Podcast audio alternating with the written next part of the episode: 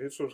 Witam Państwa bardzo serdecznie. Nazywam się Jacek Borowiak, Nurdistriget, niezmiennie po tej stronie e, Państwa ekranów e, komputerów i mm, mm, ekranów telefonów komórkowych. E, Witam wszystkich internautów, witam wszystkich mm, bardzo serdecznie na dzisiejszym naszym spotkaniu. Już za chwilę połączymy się z panem e, Piotrem, który mm, już jest mm, jakby po drugiej stronie. Już widzę na podglądzie, że, że czeka.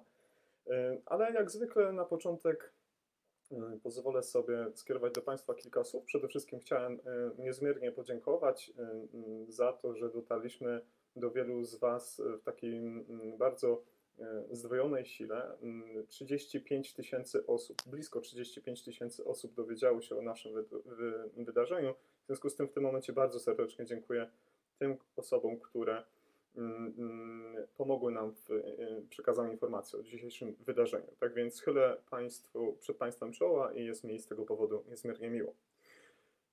Drodzy Państwo, mm, nie sądziłem, że dzisiejsze spotkanie, nie sądziłem, że dzisiejszy temat, który będziemy poruszać z panem Piotrem, postaramy się rozłożyć go na części. Pierwsze zostanie mm, jakby poprzedzony wielką tragedią, jaka stała się mm, mm, w Pakistanie, w Karakorum. W związku z tym chciałbym mm, przekazać mm, na e, ręce rodziny, wszystkich przyjaciół, szczególnie tej e, górskiej rodziny, nasze kondolencje z całego zespołu Nordistriget i wszystkich osób mieszkających tutaj w Norwegii Ym, Jest nam z tego powodu ogromnie przykro i, i, i nawet nie potrafimy sobie wyobrazić, jak w tym momencie jest Państwu bardzo trudno, ale wspieramy Was jak tylko możemy najlepiej i mm, tak jak powiedziałem, składamy mm, najszersze, najszczersze, najszczersze kondolencje.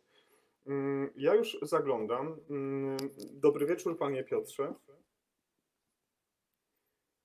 Czy słyszymy się głośno i wyraźnie? Nie słyszę pana w tym momencie troszeczkę. Na, nadal pana nie słyszę. Mm, I państwa również też proszę mm, napisa, y, o to, żebyście państwo napisali, jak nas widać, jak nas słychać, żebyśmy mogli jeszcze takie techniczne jakieś mm, zagadki tutaj rozwi rozwikłać. Panie Piotrze, proszę dać znak sygnał. Mm, Nadal pana nie słyszę. Halo wóz, halo wóz. To ja pozwolę sobie drogą wstępu, pan Piotr będzie jeszcze tutaj mm, starał się mm, dotrzeć do swoich ustawień. Mm, mm, pozwolę sobie drogą też wstępu mm, powitać y, wszystkich na naszym kanale, na kanale Nordist Triget, który ma swoje miejsce na Facebooku. Jesteśmy też w przestrzeni e, YouTube. Mm, O, o, teraz już pana chyba słychać. Tak? Tak, już Pana Dobrze. słyszę. Y, Tak więc y, ja pozwoliłem sobie Panie Piotrze drogą wstępu przywitać już wszystkich y, słuchaczy i widzów, którzy z nami są i, i, i witam oczywiście na, na kanale Nordist- Nordistrygę tutaj w Norwegii, a Pana serdecznie witam po polskiej stronie. Jest mi niezmiernie miło gościć Pana tutaj u nas. Tak więc witam. Dzień dobry wszystkim. Dobry wszystkim. Panie Piotrze, wiem, że jest Pan ym, ym, w Polsce, y, ale nie jest Pan w Łodzi. Ym, Jest Pan y, przed, kolejnym ciekawym wydarzeniem i pomimo y, tej całej pandemii wy- wynikającej z COVID-19 i z y, koronawirusa, y, y, czy- jest Pan w tym momencie osobą bardzo, bardzo mocno zajętą, czy raczej to sprzyja temu, że ma Pan więcej czasu na y, inne aktywności? No, generalnie mam czas. No nie jest tak, że, że jeżdżę po całej Polsce, bo też nawet gdybym miał takie możliwości, to za bardzo nie chciał. Jakoś tak nie, nie ciągnie mnie duże skupiska ludzi. Może nie dlatego, że się jakoś tak strasznie fizycznie boję, bo ja się w życiu bałem bardziej w niektórych sytuacjach, szczególnie w górach, ale, ale jakoś mnie nie ciągnie. No ja całe swoje życie mieszkałem w Łodzi, dużej aglomeracji miejskiej, ale też znaczną część mojego życia, tego już bardzo świadomego, marzyłem o tym, żeby się e, przeprowadzić gdzieś w góry i od niedawna mieszkam e, w Sudetach, mieszkam w, w Górach Bialskich to jest dla mnie w tej chwili mój raj i e, nie, nie marzę jakoś za bardzo, żeby z tego raju wyjeżdżać. No jak to zadane nie, bo oni też tak z tego nie za bardzo chcieli, no jak wyszło, tak wyszło, to, tak trochę po polsku, ale, ale nie, ale teraz poważnie, ja tutaj w Rzeszowie zostałem zaproszony na, na takie wirtualne expo. Oczywiście wszystko jest teraz wirtualne, bardzo jestem ciekaw tej, tej imprezy. Mam mówić dużo o przebywaniu właśnie w outdoorze, o tym jak ludzie, po co ludziom w ogóle jest potrzebna taka, takie, tak, taka aktywność.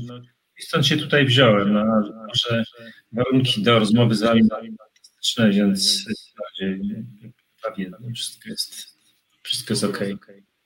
Y, wspomniał, wspomniał Pan o Łodzi. Y, Łódź jest bardzo ważnym miejscem na mapie Polski i na mapie świata. Y, przez wiele tak. lat był Pan związany z Łodzią. Jest Pan doktorem Wydziału Inżynierii Procesowej i Ochrony Środowiska Politechniki Łódzkiej. Nazwa szalenie skomplikowana. Proszę w dwóch słowach powiedzieć, czym Pan się jako naukowiec, jako nauczyciel akademicki zajmował. No tak, rzeczywiście, rzeczywiście przez wiele lat, chyba ponad 40 pracowałem na, na wyższej uczelni. Jestem tak zwanym inżynierem chemicznym, czyli, czyli człowiekiem po inżynierii chemicznej, tak trochę za, za nałowu mojego ojca. Mój co prawda był papiernikiem, ale na tym, na tym wydziale badał termodynamikę i i kiedyś zrobił mi taki wykład, ja w ogóle to chciałem być historykiem, potem powiedział, że z historii to ty nie wyżyjesz dziecko, a ja nie będę żył wiecznie, więc, więc wyszło na to, że ja będę budował okręty w, w Gdańsku, ale im rodzicom, którzy mieli mnie jednego, to jakoś nie za bardzo się podobało to, że, że synek wyjedzie na 5 lat do, do Gdańska, więc tatuś tak delikatnie w własnym takim specyficznym stylu przybijał mi do głowy ta inżynieria chemiczna, która powstała w Stanach Zjednoczonych dosyć niedawno przed, przed, przed tym, jak pojawiła się na, na Politechnice jakieś 20 lat wcześniej, że to jest taki piękny i cudowny kierunek. No ja się dałem na to namówić, no, zostałem w tej Łodzi, skończyłem Wydział Chemiczny ze specjalnością inżynieria chemiczna i potem zajmowałem się różnymi rzeczami. Znaczy, przepływałem płynów newtonowskich, modelowaniem jakości wody w rzekach. Na samym końcu to już mój szef chyba z, z tego, o jeszcze, jeszcze reaktory chemiczne e, modelowałem, a potem na samym końcu mój szef chyba tak jakoś e, widząc, że ja jednak z językiem to jestem jakoś tak za pan brat, to e, włączył mi taką specjalność, która się nazywa modelowanie wybuchów skór gazowych. Hmm. Rozumiem, bardzo, bardzo, bardzo, ciekawa historia. Jak wiele z tych pańskich zawodowych kwestii przydało się w, górach wysokich, w eksploracji gór wysokich, zapytam pewnie jeszcze o to w trakcie naszej dalszej rozmowy, tak więc w tym momencie pozwolę sobie jakby mm, postawić mały przecinek. E, e, nawiążę jeszcze do jednego tematu, który mnie osobiście bardzo interesuje. Jest pan, z tego co wiem, E, ogromnym miłośnikiem muzyki i, i jak możemy mm, dowiedzieć się w różnych źródłach, ma Pan niezłą, wręcz pokaźną kolekcję płyt rocka, ale jest wśród nich jeden gentleman, którego ukochał Pan muzycznie szczególnie. Proszę powiedzieć, dlaczego akurat Sting znalazł się w Pańskim mm, mm, wyobraźni muzycznej na pierwszym miejscu? No nie, no z tym Stingiem to tak lekka przesada. No, moim kochanym twórcą jest, jest Eric Clapton oczywiście, natomiast Sting to jest ukochany, ukochany twórca mojej żony. Do tego stopnia ukochany, że jak jeszcze nie byliśmy małżeństwem, to już byliśmy małżeństwem, to, to w dalszym ciągu na jej stoliku nocnym stał, e, stało zdjęcie z koncertu Stinga, więc ja powiedziałem, kochanie, Wiesz co, no tak, no fajnie, że tego, ale no to ja jestem twoim mężem, więc tam by moje zdjęcie stało, a nie Stinga. No, tak trochę warczała, furczała, ale udało się przekonać, że to zdjęcie Stinga zniknęło. Ale tak naprawdę to ja go szalenie cenię jako artystę, dlatego że e, no, no mieliśmy takie no, pod, podobny start. Znaczy, on dosyć późno zaczął jako, jako artysta i ja zacząłem dosyć późno jako alpinista. Oczywiście gdzie mi tam do jego talentów, ale, ale, ale, ale generalnie rzecz biorąc, jego droga i moja droga były tak w sensie y, no, czasowym dosyć podobne. On też tak miał ciężko na samym początku, też mu nie szło, potem zaczęło iść i, i no i to, co ja bardzo lubię w życiu, to, to on jest tego synonimem, czyli krótko mówiąc zmiany, zmiany, zmiany. Po prostu uwielbia różne, różne typy muzyki i potrafi te, różne typy muzyki wykonywać. E, ja uprawiałem różne gatunki alpinizmu i też lubię zmieniać w swoim życiu bardzo dużo, więc, więc ta, ta, ta, takie widzę podobieństwa, chociaż od razu mówię, że to jest artysta no, najwyższej światowej e, klasy, a ja nie jestem alpinistą najwyższej światowej klasy, więc jest, jest ogromna różnica między nami. No tak, panie Piotrze, ale dokładnie 27 kwietnia 2010 roku o godzinie 13.45 czasu lokalnego zdobył pan e, Anapurnę, tworząc tą wspaniałą koronę ziemi. E, zdobył pan Himalaj. Tak, tak, Himalajów. I, i, i teraz i, to, to 14 ośmiotysięczników dla nas, ludzi, którzy często nie wchodzą wyżej niż góra, która ma kilometr bądź dwa, jest to y, ogromny, ogromny wyczyn. I proszę, y, y, pewnie słyszał Pan już to tysiące razy, ale w moim imieniu, w, moim, w imieniu wszystkich Polaków, którzy mieszkają szczególnie w Norwegii, chciałbym Panu jeszcze raz za ten sukces podziękować, bo zrobił to też Pan dla nas, dla, dla ludzi, którzy mogą legitymować się paszportem polskim i jesteśmy dumni z wyczynów polskich himalaistów, alpinistów i ludzi, którzy zmagają się z tym trudem. Tak więc jest mi ogromnie miło skierować Panu takie małe, skromne podziękowania za wielkie rzeczy, jakie żeście dokonali w, w górach na świecie. Po, podziękuję w imieniu moich kolegów, bo, bo ja to nie, czuję się jakoś specjalnie jakimś wielkim człowiekiem, wręcz przeciwnie. Zawsze twierdziłem, że jestem raczej osobą dosyć przeciętną, więc, więc ale moi koledzy bez, bezwzględnie na, na to zasługują, bo polski alpinizm to jest w dużej mierze, szczególnie w XX wieku, to jest fenomen.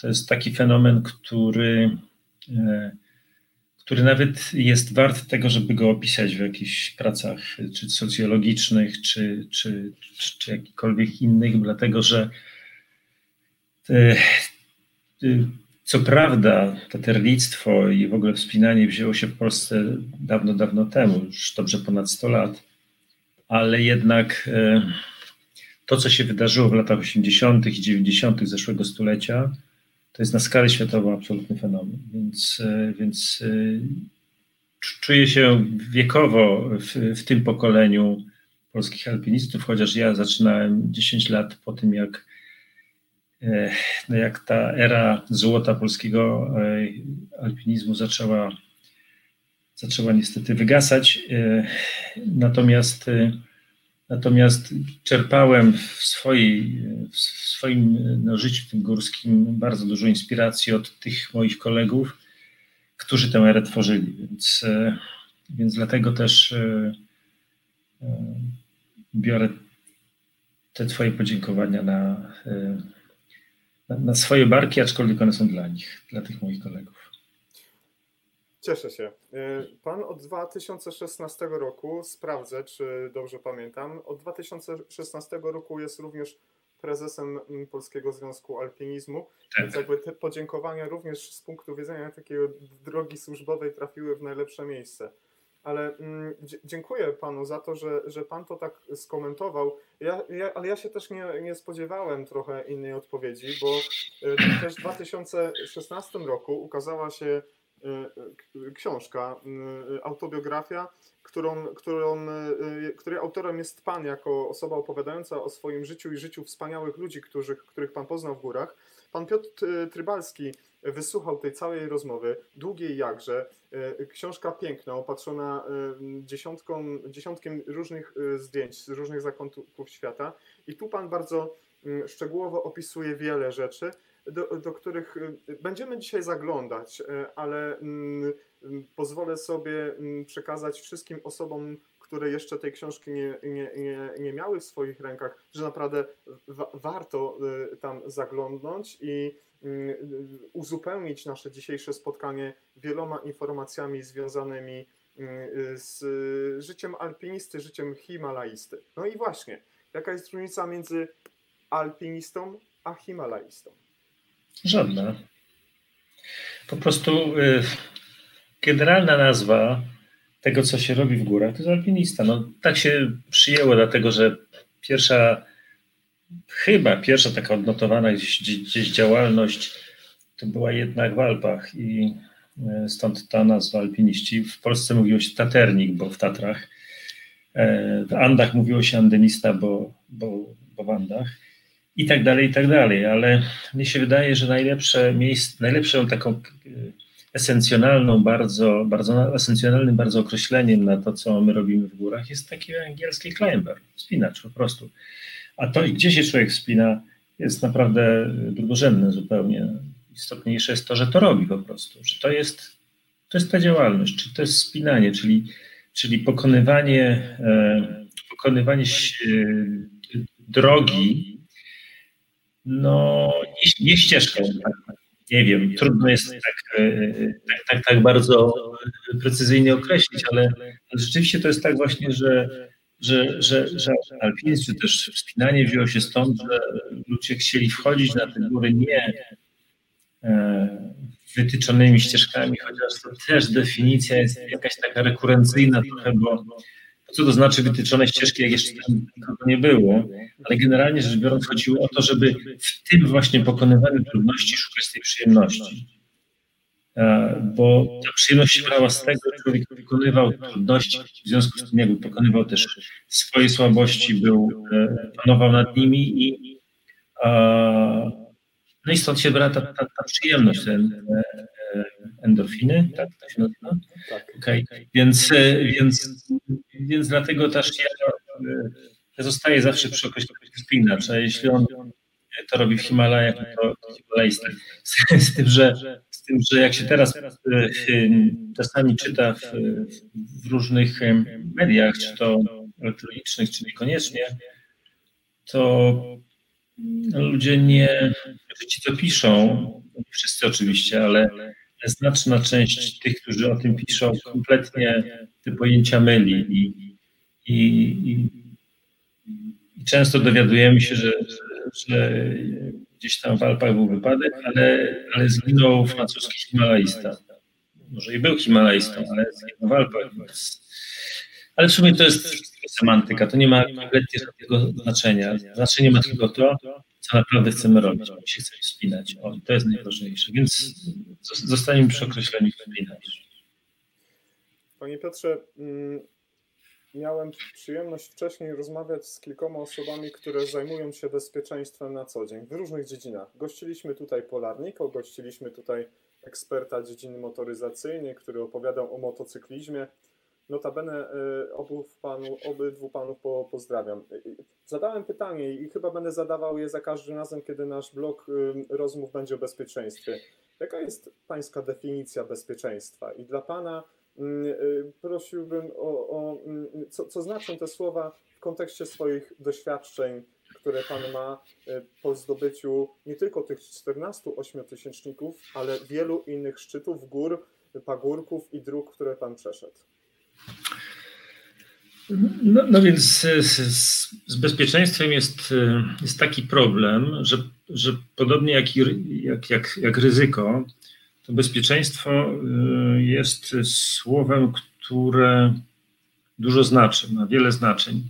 I trudno jest je tak jakoś z, dookreślić. Ja bym to, ja bym powiedział w ten sposób, że, e, że jeżeli e, położymy na jednej szali wagi mm, wszystkie ryzyka związane z, z uprawianiem tego, tego sportu, a po drugiej stronie wszystkie środki, które, które nas zabezpieczają przed, y, y, albo też starają się nas zabezpieczyć przed, y, przed skutkami realizacji tych ryzyk, i te dwie szalki się, się zaczynają tak równoważyć, to to, co jest w środku, ten znacznik, to jest właśnie bezpieczeństwo. Jeśli, jeśli to ono się przechyli w stronę, w stronę ryzyk, to, to, to znaczy, że my mamy że, że to, co robimy, nie jest bezpieczne, a jeśli się przechyla w stronę tych środków zaradczych, to znaczy, że to, co robimy, jest bezpieczne. Ale tak jak mówię, jest to, jest to pewien wytrych, e, klucz, e, pewien, pewien taki właśnie nie klucz, ale wytrych. E, ja bym powiedział w ten sposób, że cała działalność człowieka jest obarczona pewnym ryzykiem. W górach mamy do czynienia z, z, z, z wieloma typami ryzyki. Są, z czym, przy czym część ryzyk jest całkowicie wbudowanych jakby w, te, w, ten sport, który uprawiamy. To są ryzyka związane z, na przykład z terenem, w którym, się, w którym jesteśmy. Ten teren może być lawiniasty, może być narażony na spadające kamienie, może być narażony na szczeliny lodowcowe. Ten teren może być, nie wiem, stromy bardzo i, i, i, i te, to już generuje pewne ryzyka. I na każde z tych ryzyk mamy staramy się znaleźć jakieś środki zaradcze, czy to takie, które zmniejszają prawdopodobieństwo wystąpienia tego zjawiska, czy też zmniejszają skutki tego zjawiska. To, to, to można sobie wytłumaczyć w ten sposób, że jeżeli, że jeżeli weźmy na przykład lawinę, tak, że jeżeli wchodzimy w teren lawinowy, to jeżeli wchodzimy ten teren lawinowy w takim czasie, w którym prawdopodobieństwo wystąpienia takiej lawiny jest najmniejsze, bo to na przykład jest jeszcze nieogrzany stok słońcem, czy nie, nie namięknięty, albo też y, y, ten stok nie zdążył się, y, się utwardzić jeszcze pod wpływem wiatru, to to prawdopodobieństwo wystąpienia tego zjawiska jest mniejsze. Mniejsze, nie, nie do, do zera nigdy nie spada, ale, ale, ale jest mniejsze. Natomiast jeżeli na przykład wchodzimy w ten teren lawinowy, z plecakiem lawinowym, z taką bańką wielką, która wystrzeliwuje, jak, jak jesteśmy w, w kłopotach, to znaczy, że chcemy zmniejszyć skutki ewentualnego e, stoczenia się z lawiną. Więc, więc takimi metodami walczymy i staramy się, e, staramy się no, spowodować, że będzie, że, będzie to, że będzie to, co robimy, będzie miało jakieś, jakieś, jakieś znaczenie, jakieś, jakieś przynajmniej e, przynajmniej jako, jakiś w sensie symboliki to będzie bezpieczne, ale, ale nie możemy mówić o bezpieczeństwie, dlatego że to generalnie jest to ryzyko wystąpienia takiego, tego, takiego zjawiska wypadkowego jest niestety cały czas większe od zera. W tym to, to co robimy, nie jest bezpieczne. Zapraszam wszystkich Państwa do zadawania pytań przez komentarze tutaj, które pod naszym wydarzeniem można zamieszczać. Mam już dwa e, pytania, które albo jedno jest pytaniem, a drugie jest pozdrowieniem. Odpowiedzią. Odpowiedział. Dobrze, złapał mnie pan. To, to będą pozdrowienia z dalekiego Iranu dla pana. One już przyszły do nas wczoraj, bo jedna e, z pań napisała, czy wydarzenie dzisiejsze będzie w języku angielskim. Mm, no niestety. Na razie zrobimy to po polsku, ale, ale, ale w przyszłości myślę, że da się Pan namówić na rozmowę w języku angielskim. Więc jeżeli macie Państwo do nas, do naszego gościa jakieś pytania, to bardzo proszę z przyjemnością y, je tutaj będziemy zadawać na, na, na żywo na, na naszym kanale. Panie Piotrze, y, można powiedzieć, że czasami się człowiek do czegoś nadaje, albo jego postawy wpływają na to, że się do czegoś y, w jakimś środowisku dobrze odnajdzie albo nie. Dobrze wiemy, że góry są bardzo wymagającym y, środowiskiem. W zależności od jego, ich wysokości, terenu, dostępności, ta skala trudności będzie się zmieniać. Zatem y, w Pańskiej ocenie, w Pańskiej opinii, y, dla kogo góry z pewnością nie są dobrym miejscem na to, żeby no, udawał się tam, żeby je eksplorować, czy robić jakieś y, wyprawy, czy uprawiać jakiś sport właśnie tam? Znaczy, ja, ja, powiem, ja powiem w ten sposób, że wydaje mi się, że góry są takim miejscem, gdzie każdy może znaleźć jakiś tam skromny kawałek, w którym, w którym się może odnaleźć. To znaczy, bardzo byłbym daleki od tego, żeby powiedzieć, e, że są e, że, że, że jest jakaś grupa e, społeczna, która się w górach w żaden sposób znaleźć nie powinna. Po prostu wydaje mi się, że każdy może się znaleźć w tych górach pod warunkiem, że mm, dostosowuje ten, tą swoją aktywność w tych górach do tego, co może zrobić w nich. A dlatego, że to, co jest najcenniejsze, e, e, w, jak jesteśmy w, w, górach, to jest, e, to, jest takie, to, to, jest, to, jest, to są takie cechy, które generalnie w życiu się przydają chyba każdemu, ale, ale w górach się przydają bardziej. Mianowicie ostrożność, roztropność, pokora, taka, mm, jakby to powiedzieć po polsku dobrze, mm, taki, taki e, wgląd w, w siebie, w swój, w swój organizm, wsłuchiwanie się w ten organizm i, i wyłączenie mm, czegoś, co, co, co trudno jest też zdefiniować bardzo, ale co się, to się właśnie, chyba już to powiedziałem, e, nazywa się nie wiem, tak, takim przewarto, przewartościowaniem swoich, swoich, swoich możliwości. Wtedy, wtedy rzeczywiście, jeśli się, jeśli się tak dopasuje e, to, co się robi w górach do, no, do tych cech, to oczywiście, to oczywiście każdy się w nich może znaleźć, bo, bo, no bo dlaczego nie? No, w końcu do diabła e, to samo można powiedzieć o, o pustyniach, o, o morzu, o, o rzekach. E, nie, nie wartościujmy ludzi na takich, którzy się nadają albo się nie nadają w góry. W góry nadaje się każdy pod warunkiem, że wie, gdzie jest koniec jego drogi w tych górach. Bo dla niektórych dojście do, e, do schroniska murowań w hali gąsienicowej to jest, to jest początek e, prawdziwej przygody w górach, a dla niektórych jest to koniec tej, tej, przygody.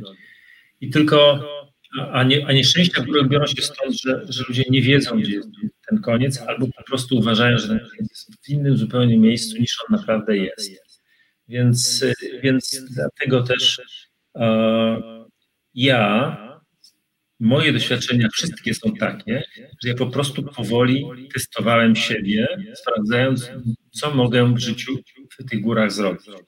I tak powolutku w te góry wsiąkałem, ucząc się e, po kolei wszystkich elementów, czyli właśnie technika spinaczkowa, czy też samobójności technicznej, to jest dopiero początek tej, tej, tej drogi. To jest rzeczywiście bardzo dobra taka wystawa, na której potem się człowiek znakomicie czuje. Natomiast, natomiast potem przychodzi taka świadomość swoich możliwości, świadomość y, e, znajdowania sobie takich celów, które, które no, mają taki walor, że, e, że, że, że, są jakimiś takimi kamieniami milowymi na, na, na mojej ścieżce takiej edukacyjnej w góry. I, I każda z tych wypraw coś daje czegoś uczy, albo też stymuluje do, do nauczenia się czegoś, czyli pokazuje ci, gdzie są Twoje słabości i ty musisz potem te słabości e, wyeliminować. I, I, wydaje mi się, że to jest taka droga, która taka ewolucyjna, powolna, coś, co teraz jest kompletnie niemodne, bo ludzie chcą wszystko szybko, od razu, ale tak, takie szybko i od razu to jest tylko na filmach, a tak naprawdę w rzeczywistości nie ma szybko i od razu, tylko jest, e, tylko jest, to jest mozolna praca nad sobą, uczenie się, potem e, no, popełnianie błędów, bo, bo nikt nie jest doskonały. Więc, więc, y, więc dlatego też e, wydaje mi się, że, że, że, że, że po prostu zostajemy przy takiej odpowiedzi. Góry są dla każdego. Tylko nie, tylko, tylko, tylko ten każdy człowiek musi znaleźć w tych górach swój własny, osobisty, indywidualny element. Kiedy kiedy rozmawialiśmy w poniedziałek, tak za kulisami naszego, dzisiejszego spotkania, zadałem Panu jedno pytanie i był, byłoby fajnie, gdybyśmy do niego wrócili, a dokładnie do odpowiedzi, jakiej Pan mi udzielił, ale pozwolę sobie posłużyć się cytatem z książki. Napisał tam Pan między innymi... Ja już nie pamiętam, co tam jest w tej książce. Na, na, na, napisał pan między innymi, że żadna góra nie jest warta nawet najmniejszego kawałka alpinist. E, jak, jak pan po latach, jak pan po po tych szczytach, po tych drogach, po tych lawinach, po tych odmrożonych kawałkach swojego ciała, po tych tragediach, jakie, jakie widział Pan bardzo blisko wśród swoich przyjaciół wspinaczy, którzy nie wrócili z tamtych gór, którzy tam zostali. Jak Pan teraz patrzy się na te słowa, które ja sobie skrzętnie wynotowałem? Jak by się Pan teraz do tego odniósł? Mm, bo cały czas słyszymy jednak, że próbujemy, idziemy dalej, idziemy dalej. No tak, ale, ale y, y, pamiętaj o jednej rzeczy, że, y, że no ja ży, żyję, tak? Poza jakimś drobną amputacją jednego kawałka, jednego palca u ręki, nie pokażę którego, żebyście zgadnijcie, to, to właściwie niczego nie straciłem, czyli trzymałem się tej zasady, tak, że, że jeśli, jeśli gdzieś tam moje wewnętrzne ja mówiło, że już za, zaczynam wchodzić w taki obszar ryzyk, które są dla mnie nieakceptowalne, to ja po prostu dawałem sobie spokój, dlatego że, mm, że wolałem tam wrócić za, za rok. Jasne, że to jest taka postawa, powiedziałbym, a, która wymaga dużej odporności psychicznej, bo cały ten projekt się wydłuża w ponad ludzką miarę, ale, ale co jest naprawdę ważniejsze w życiu człowieka? Czy być e, e, żywym, e, żywym alpinistą ostrożnym, czy martwym, bardzo odważnym? To jest pytanie bardzo retoryczne oczywiście.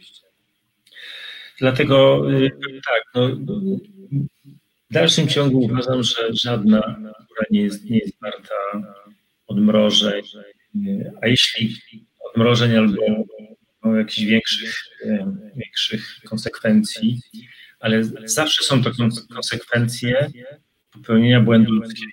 W tym całym, w całej piramidzie błędów, jakie, jakie są popełniane w dużych górach, to od samego czubka tej piramidy, aż prawie po sam dół, te, to miejsce zajmuje człowiek. W 99% przypadków to jest wina człowieka. Jeden, jedna dziesiąta procenta to może być wada techniczna sprzętu. Może się tak zdarzyć, ale to jest naprawdę, wierz mi, jeden, jeden wypadek na 100 tysięcy. Sprzęt jest w tej chwili praktycznie e, praktycznie niezawodny. No, oczywiście teoretycznie to nie jest zawodny, praktycznie jest niezawodny.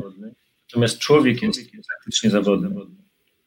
I dlatego e, jeśli w ogóle rozpatrujemy wypadki, ja wiele wypadków miałem niestety okazję analizować e, i, i z nich wynikało jednoznacznie, że zawinił człowiek po prostu swoją złą ceną, nadmierną ambicją, jakimś takim e, nie, niewłaściwym dla danego momentu ducha, który powodował, że, że podejmował nieracjonalne decyzje. Sam miałem czynienia z czymś takim. Sam popełniałem nieracjonalne decyzje, mimo że przedtem prowadziłem ze sobą taki dialog wewnętrzny, z którego wynikało, że kurczę, muszę podjąć decyzję taką.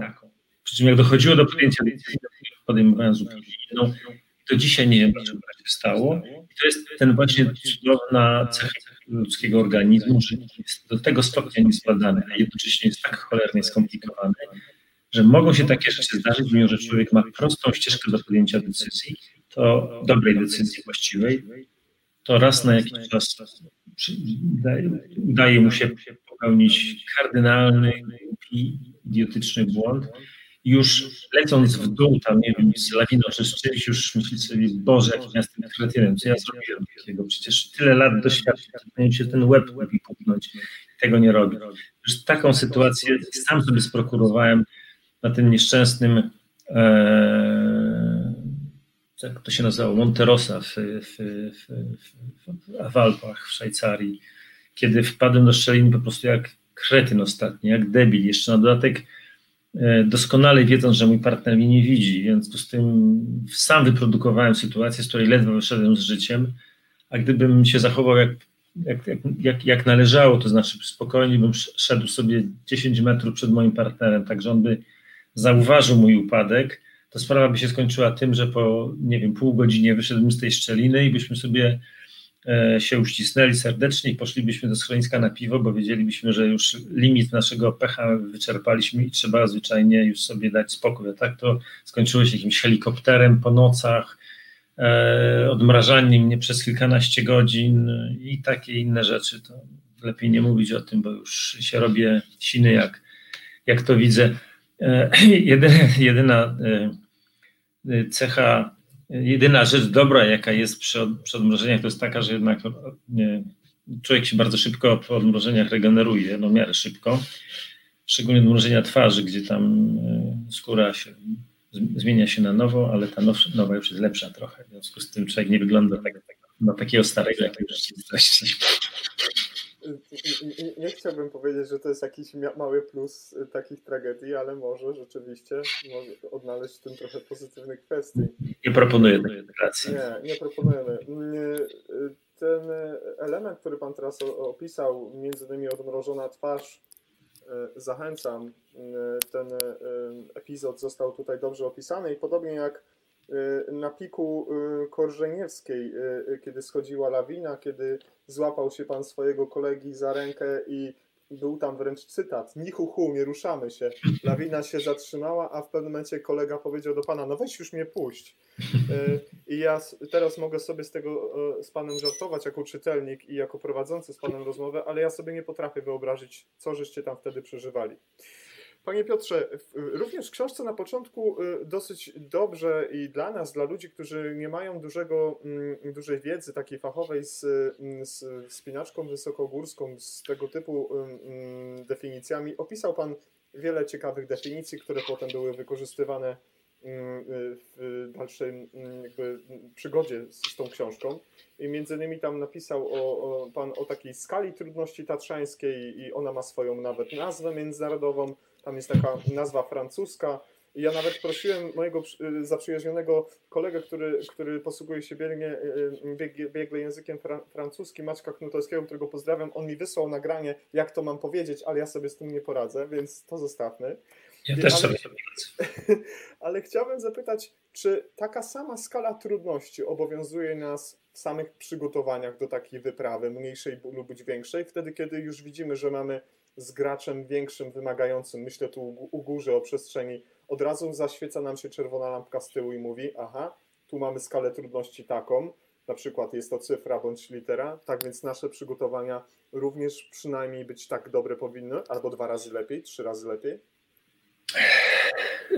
Wiesz, z tymi przygotowaniami to jest trochę tak, że jeśli, jeśli wiemy, na co się szykujemy, to znaczy ta droga góra, ściana, droga miała już e, swoje przejścia, one są opisane i można się doczytać, zobaczyć, jak to wygląda, no to wiemy, do czego się e, przygotowujemy.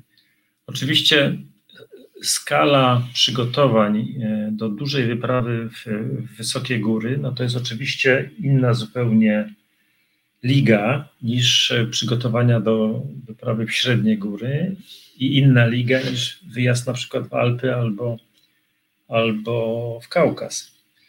No ale powiedzmy, że jeśli od, odłożymy te, te, te, rzeczy organizacyjne, no bo to też sobie możemy jakoś tam wyskalować i powiedzieć, że jeśli, jeśli Tatry to jest jeden, a Himalaje sześć, to tak jak w, w skali tatrzańskiej na przykład, to, no to, to okej, okay, no to, to, to w takim razie wyprawa w Himalaj jest 6, a w, a w Alpy 3 na przykład, a w Pamir tam nie wiem, 4.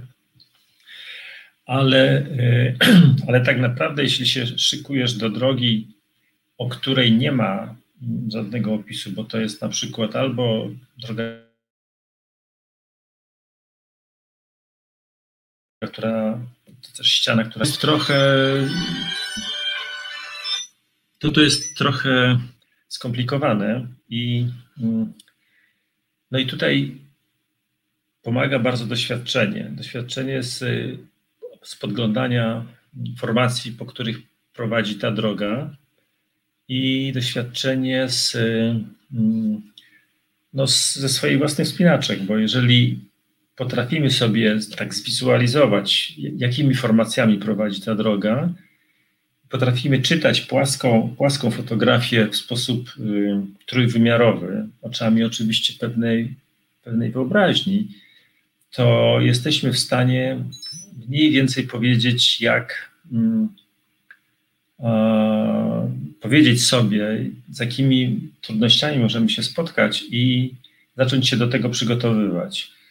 I tak, y, i tak się postępuje. No, bierzemy tak, kilka fotografii robionych z różnych y, kątów, jeżeli mamy oczywiście dostęp do tego, czasami to jest jedno zdjęcie zrobione przez na przykład, e, no to będzie pewnie bardzo e, takie archaiczne porównanie, ale niech będzie. Tak, na przykład Vittor, Vittorio Sella w, tam w 1000, nie wiem, 904 roku zrobił zdjęcie e, północno-zachodniej ściany K2.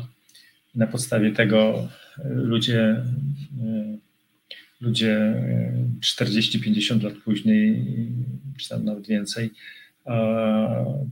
no, organizowali wyprawę na to. No, no, tak też może być oczywiście, ale to jest, to jest, to jest jakiś proces, tak? I musimy się do tego procesu dostosować, to znaczy, to znaczy musimy sobie y, y, taką, taką, taką wizualizację przeprowadzić, przy czym ona też jest obarczona pewną, e, pewną e, pułapką, zasadzką taką. Mianowicie e, góry różnie wyglądają w zależności od różnych e, pór roku, w jakich jest robione zdjęcie.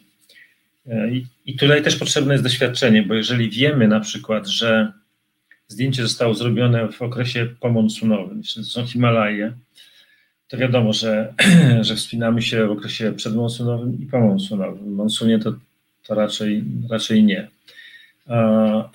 Więc, więc te góry inaczej wyglądają po zimie himalajskiej, która, w której jest suchy monsun, który wywiewa śnieg, a inaczej jest po e, mokrym monsunie, który nawiewa śnieg na, na, na góry. I często jest tak, że przed monsunem część tego terenu, po którym musimy iść, jest terenem bardzo trudnym, niebezpiecznym, bo lodowo-skalnym i i takim no, niefajnym, bo, bo na przykład kruchym, a po monsunie jest to po prostu równa jak stół, e, równy jak stół stok śnieżny z trzymetrową warstwą śniegu, w której wybijamy stopnie i po prostu idziemy do góry jak turyści idąc, wiesz, od hali gąsienicowej na Kasprowy Wierch, więc, e, więc proszę bardzo, tutaj, tutaj się to wszystko zmienia i, i, e, i i, i, i, i wiedza na, na, ten temat taka, że zdjęcie tego już tutaj cytowanego Vittorio Selli było zrobione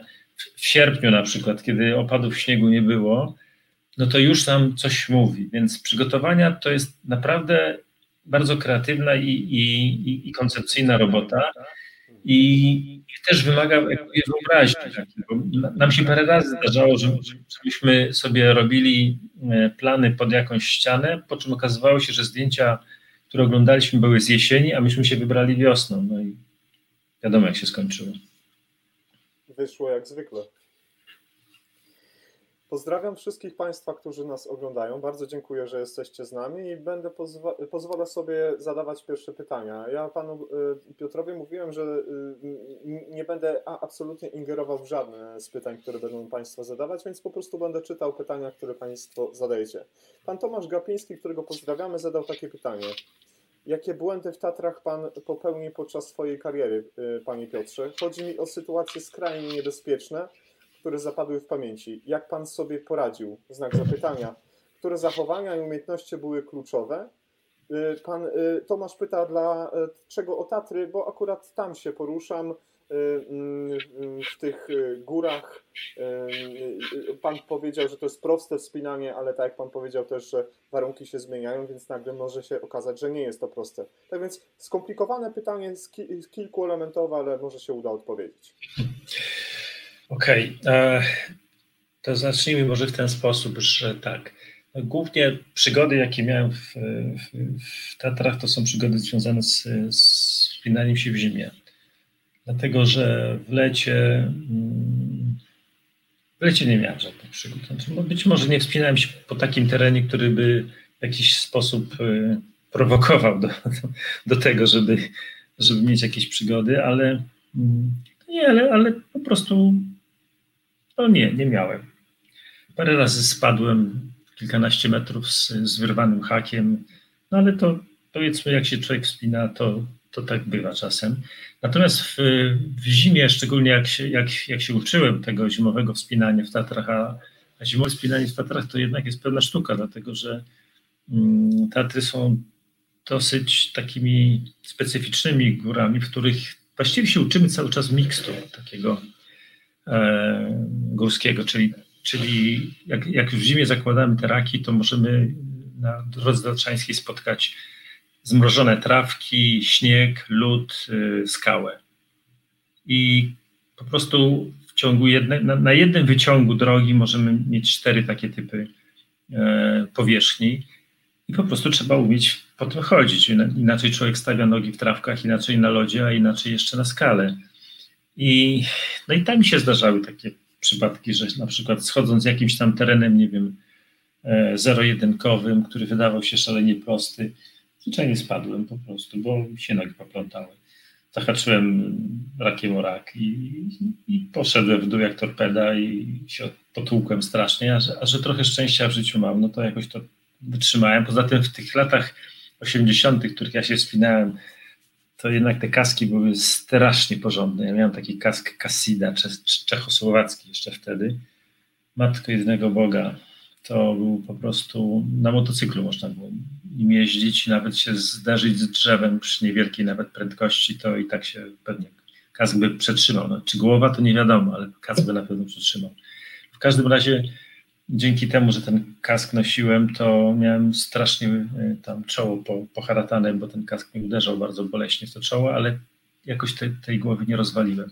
Więc takie przygody miałem i, i, i głównie takie. Znaczy, dwa razy z lawiną spadłem w Tatrach też. Przy czym raz mnie zakopała tak do pasa i daję wam słowo honoru, że wyjść z czegoś takiego, jak ta lawina dobrze człowieka przy, przy nawet nie, musi być niewielka, no bo jak będzie duża, to połamie, ale taka niewielka ona była, taka deska właściwie. I, i, i tak mnie zbetonowała, że, że mój, mój partner po prostu wydłubywał mnie z tego śniegu, bo ja nie byłem w stanie z tego wyjść. A drugi raz puchowa lawina zakopała mnie dokumentnie. Byłem metr pod, pod śniegiem, tyle że no, y, lawina puchowa jest bardzo lekka i po prostu poza tym, że miałem atak paniki, bo, bo, bo po prostu ciemność, widzę ciemność, no to jakoś z tego wyszedłem i jakoś żyję, ale to były głównie takie, takie przygody. No i, z innymi przygodami, innych przygód nie pamiętam i wszystkie się wstydzę. Y, dziękuję bardzo. Na początku mieliśmy informację, że był y, pogłos, kiedy mm, dzielimy razem ekran z panem Piotrem, tak więc kiedy ja zadaję pytanie, znikam i wtedy może rzeczywiście coś tutaj nam jeszcze technicznie nie, nie gra tak należy. Pozwolę sobie przytoczyć jeszcze y, komentarze. Mowa o odpowiednio bezpiecznym przygotowaniu się i niejako zahartowaniu pod ośmiotysięcznik. Tu pan Łukasz Trzciński taki komentarz udzielił. Mm, tutaj też jeszcze pani mm, napisała, były góry wysokie, były klimaty polarne, y, na co teraz z kolei może jaskinie. O to będę pytał za chwilkę pana Piotra. To też jeszcze drugie, kolejne pytanie, czy kolejne y, y, zapytanie, Panie Piotrze, jak się mają zagrożenia w górach wysokich do zagrożeń w Arktyce i o tym będziemy rozmawiać za chwilkę, bo do Arktyki przejdziemy, wiemy, wiemy dlaczego. Pan Piotr rozpoczął eksplorację również północnego, północnej części globu, a o, o południowym opowie pewnie, pewnie też sam. Ja, ja mam do Pana pytanie z racji takiej, że sam często pracuję w, zespoło, w zespołach mniej lub bardziej licznych. Jak ten teamwork, jak praca zespołowa wpływa na bezpieczeństwo? Kiedy super pomaga, a kiedy przeszkadza? Znaczy w ogóle alpinizm jest sportem e, zespołowym. Znaczy, przynajmniej ja byłem parę razy samemu w górach i, i, no i to jest fajne zajęcie, ale tego bym nie chciał robić. No, nie ma do kogo gęby otworzyć. To, to, to jest nieprawdą to, co mówią niektórzy, że, że jak się chce pobić trochę z inteligentnym człowiekiem, to się jedzie samemu na wyprawę. To nie, tak, tak nie jest. Natomiast e, w, w sam sens e, alpinizmu wchodzi właśnie praca zespołowa, czyli teamwork. Jest to niestety sztuka, której się człowiek nie nauczy z książek. To, to jest coś, co się, e, czego się człowiek uczy z, z autopsji. Po prostu każda wyprawa przynosi nowe doświadczenia. Na przykład style zarządzania przez kierownika, czy w ogóle e, style zarządzania jakiegokolwiek, e, relacje międzyludzkie na wyprawach, sposób tworzenia się zespołów, tak żeby no, żeby to było najbardziej efektywne w działaniu, rozwiązywanie konfliktów na wyprawach. To jest wszystko z życia wzięte, z normalnego życia wzięte, tylko przeniesione w, w taką scenerię, w której jesteśmy właściwie na czymś, y, na jakiejś takiej bardzo egzotycznej, pięknej, ale, y, ale oddalonej od wybrzeży łodzi podwodnej gdzie wszyscy są ze sobą razem i są na siebie skazani. Nie można po prostu wsiąść do szalupy i popłynąć sobie do brzegu. Z wyprawy też jest ciężko się wycofać tak naprawdę. To, to, to, to może teraz są takie możliwości, że człowiek strzeli palcami, przyleci helikopter i go zabierze, jeśli, jeśli mu się już znudziło albo mu się nie chce. Natomiast, natomiast yy, uważam, że jak się człowiek decyduje na wyjazd na wyprawę, to to najpierw musi, to wszystkie te za i przeciw musi najpierw roz, rozpatrzyć i jak już się zdecyduje, że jedzie, to, to potem wycofywanie się z wyprawy to jest przejaw, to jest przejaw y, tchórzostwa jakiegoś, jakiegoś takiego złego, e, złej, złej oceny wstępnej sytuacji. Więc, więc praca zespołowa jest szalenie istotna ale ja się jej uczyłem na wyprawach. Po prostu powolutku, powolutku uczyłem się do tego, że trzeba być koncyliacyjnym, trzeba rozmawiać z ludźmi, trzeba rozwiązywać problemy, zanim się one pojawią, to znaczy jakby antycypować powstawanie problemów i tak dalej, i tak. W teorii to jest wszystko bardzo fajne, a potem w praktyce no to jednak trochę trzeba trochę trzeba y, zacisnąć zęby. Mnie się parę razy nie udało zacisnąć zębów i, i, no i czasami były to dobre interwencje, a czasami no, nie chciałbym już do tego wracać, bo po prostu mi nie wychodziło zwyczajnie. Ale pamiętam, że raz, jak się okazało, że, że jesteśmy traktowani przez naszych współpracowników z Pakistanu tak dosyć podle, to wszedłem do ich namiotu i długo do nich przemawiałem po angielsku, a moi koledzy z wyprawy stali pod pod, y, pod y, no mówiąc tak kolokwialnie, drzwiami do tego namiotu i w pewnym momencie uciekli, bo się przestraszyli mojego głosu.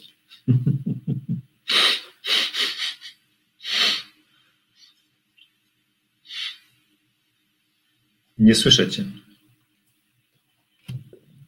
musiało to, mm, musiało to wzbudzić nie, niezłe zainteresowanie, bo e, kiedy teraz rozmawiamy, jakoś trudno mi wyobrazić sobie pana e, w, w, w, w takim jakby wyniosłym e, rozmawianiu z inną osobą. Ja zerknę do takiej mojej notatki. A dokładnie był taki film kiedyś, którego reżyserem był pan Andrzej Zajączkowski i to był film z 1900... Y, tak, z 76 roku i tam mm, pani Rutkiewicz y, objęła taką funkcję kierowniczą i ona y, przedstawiając swoje racje spotkała się z ogromnym oporem męskiej części wyprawy. Jak bardzo wpływa na bezpieczeństwo takie, a nie inne zdanie kierownika? W którym momencie należy na 150% zaufać kierownikowi, y, y, bo wiemy, że za jego decyzjami zawsze powinno być bezpieczeństwo, a w którym momencie należy poddać to krytycznej ocenie i powiedzieć: Nie mylisz się i uważam, że Twoja decyzja nie jest dobra. No tak, to jest, to jest mniej więcej w ten sposób, że ja, ja uważam, że, y, że na wyprawie kierownik jest Bogiem. To znaczy, bierze na siebie odpowiedzialność za życie i zdrowie ludzi, w związku z tym musi e, mieć możliwość podejmowania decyzji, tyle że wszystko zależy od tego stylu zarządzania kierowniczego, bo to są różne style oczywiście. To książki są na ten temat i one się biorą z biznesu, przy czym e, one są trochę mało adekwatne do tego, co się dzieje w górę, dlatego że w biznesie ceną jest e, biznes albo kariera osobista ludzi, ale nie życie i zdrowie. a w górach życie i zdrowie. Więc to są jednak dwie różne wagi. I, i, i o ile e, te style zarządzania w, w biznesie mm, no są one bardzo dobrze opisane i, i każdy człowiek e, jest w stanie sobie wyobrazić taką sytuację, to w dużych górach właściwie każdy kierownik e, musi sobie wypracować swój własny, indywidualny, taki nie do podrobienia styl zarządzania na wyprawie. I mój styl jest taki: ja chcę mieć e, możliwość podejmowania decyzji, dlatego że jeżeli odpowiadam za ludzi, to chcę podejmować takie decyzje, z którymi ja się zgadzam. Znaczy, nie chcę po prostu, żeby odpowiedzialność była na, po mojej stronie, a decyzja po stronie kogoś innego. No bo to jest wtedy nie fair. Natomiast każdą swoją decyzję zawsze dyskutowałem z zespołem. I zespół mówił mi wtedy, nie stary, pierwszy, tak nie pójdzie, tak się nie uda. Zobaczysz, że tak nie wyjdzie. Ja mówiłem, nie chłopaki, wyjdzie, zobaczycie, da się to zrobić. Nie, chrzanisz tam, nie da się zrobić. No i dyskutujemy. I dyskutowaliśmy tak długo, aż udało nam się znaleźć takie stanowisko, które będzie zadawalało mnie i zadawalało ich. Wiadomo, że z samej definicji kompromis to jest taki przyjemny stan, w którym to rozwiązanie nie zadawala ani jednej strony w 100%, ani drugiej strony w 100%. No tak, ale jeżeli te strony mają przynajmniej w jakiś sposób dojść, znaczy mieć jakieś wspólne stanowisko, to gdzieś trzeba znaleźć te wspólne obszary, w których, z których nasze myślenie się w jakiś sposób zazębia. I jasne, że to nie jest coś idealnego, ale ja wychodzę z, z, z, takiej dyskusji z przeświadczeniem, że e, no moje racje zostały wysłuchane i część tych racji zostało zaimplementowanych, a oni wychodzą z, takim, z takiego e, założenia, że, czy z takim przeświadczeniem, że, e, że to, co, to, to rozwiązanie jest także częścią ich rozwiązań. Czyli obie strony się z tym identyfikują. I, I, wydaje mi się, że to jest chyba najbardziej optymalna metoda, tak mi się wydaje.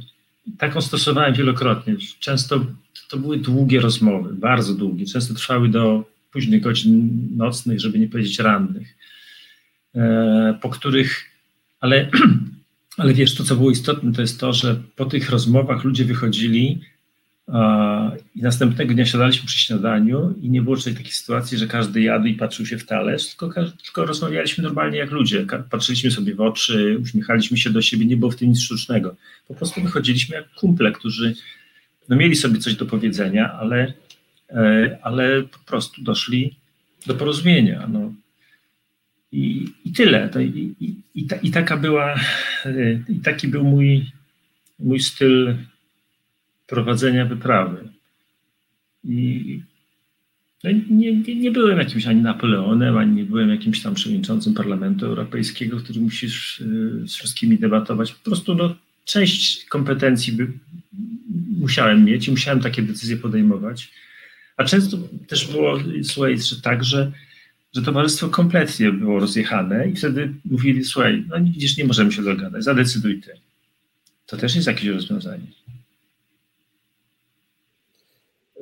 Znowu odsyłam, znowu odsyłam Państwa do publikacji, bo w książce napisał Pan przynajmniej kilka ciekawych historii związanych właśnie z dowodzeniem albo bycia, bycia takim liderem, który niesie na swoich barkach ogromny ciężar odpowiedzialności za drugiego człowieka. I pan Piotr Trybalski, który wysłuchał tej rozmowy, opisał wiele historii, opatrzył je swoim komentarzem i wynotował skrzętnie pańskie doświadczenia. Zapraszam Państwa do tej publikacji raz jeszcze.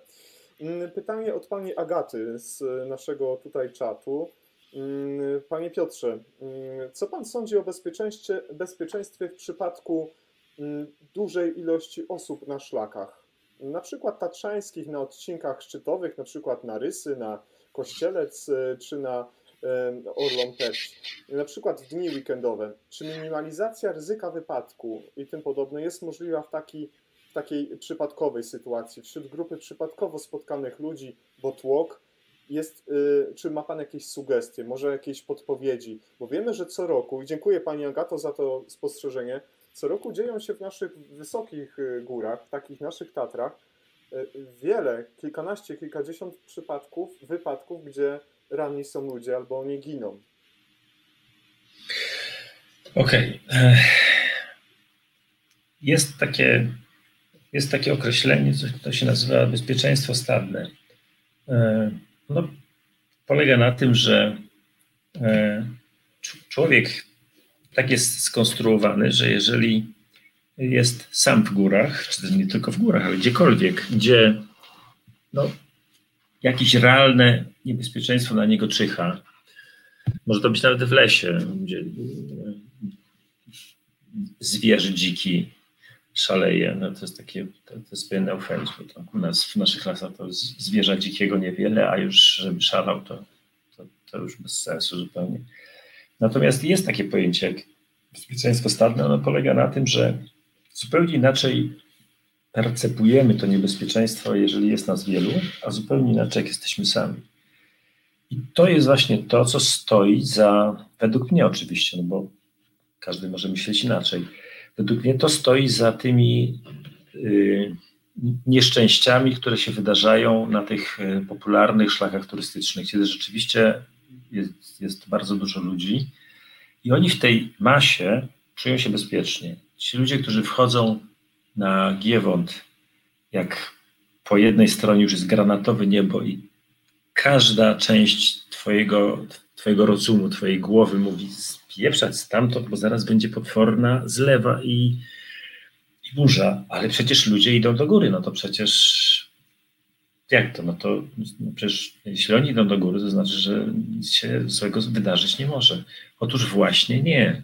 Otóż właśnie w takiej sytuacji się wydarzy, dlatego że ten zmysł, to, to, to, to takie czucie niebezpieczeństwa, jakie no, można to porównać z zającem, powiedzmy, który jak czuje niebezpieczeństwo, dostanie, zastrzega tymi uszami i, i, i, już wie, że coś się niedobrego dzieje, to tego nie ma, dlatego że nie jesteśmy pojedynczym zającem na, na dużym polu. Jesteśmy w dużej grupie ludzi.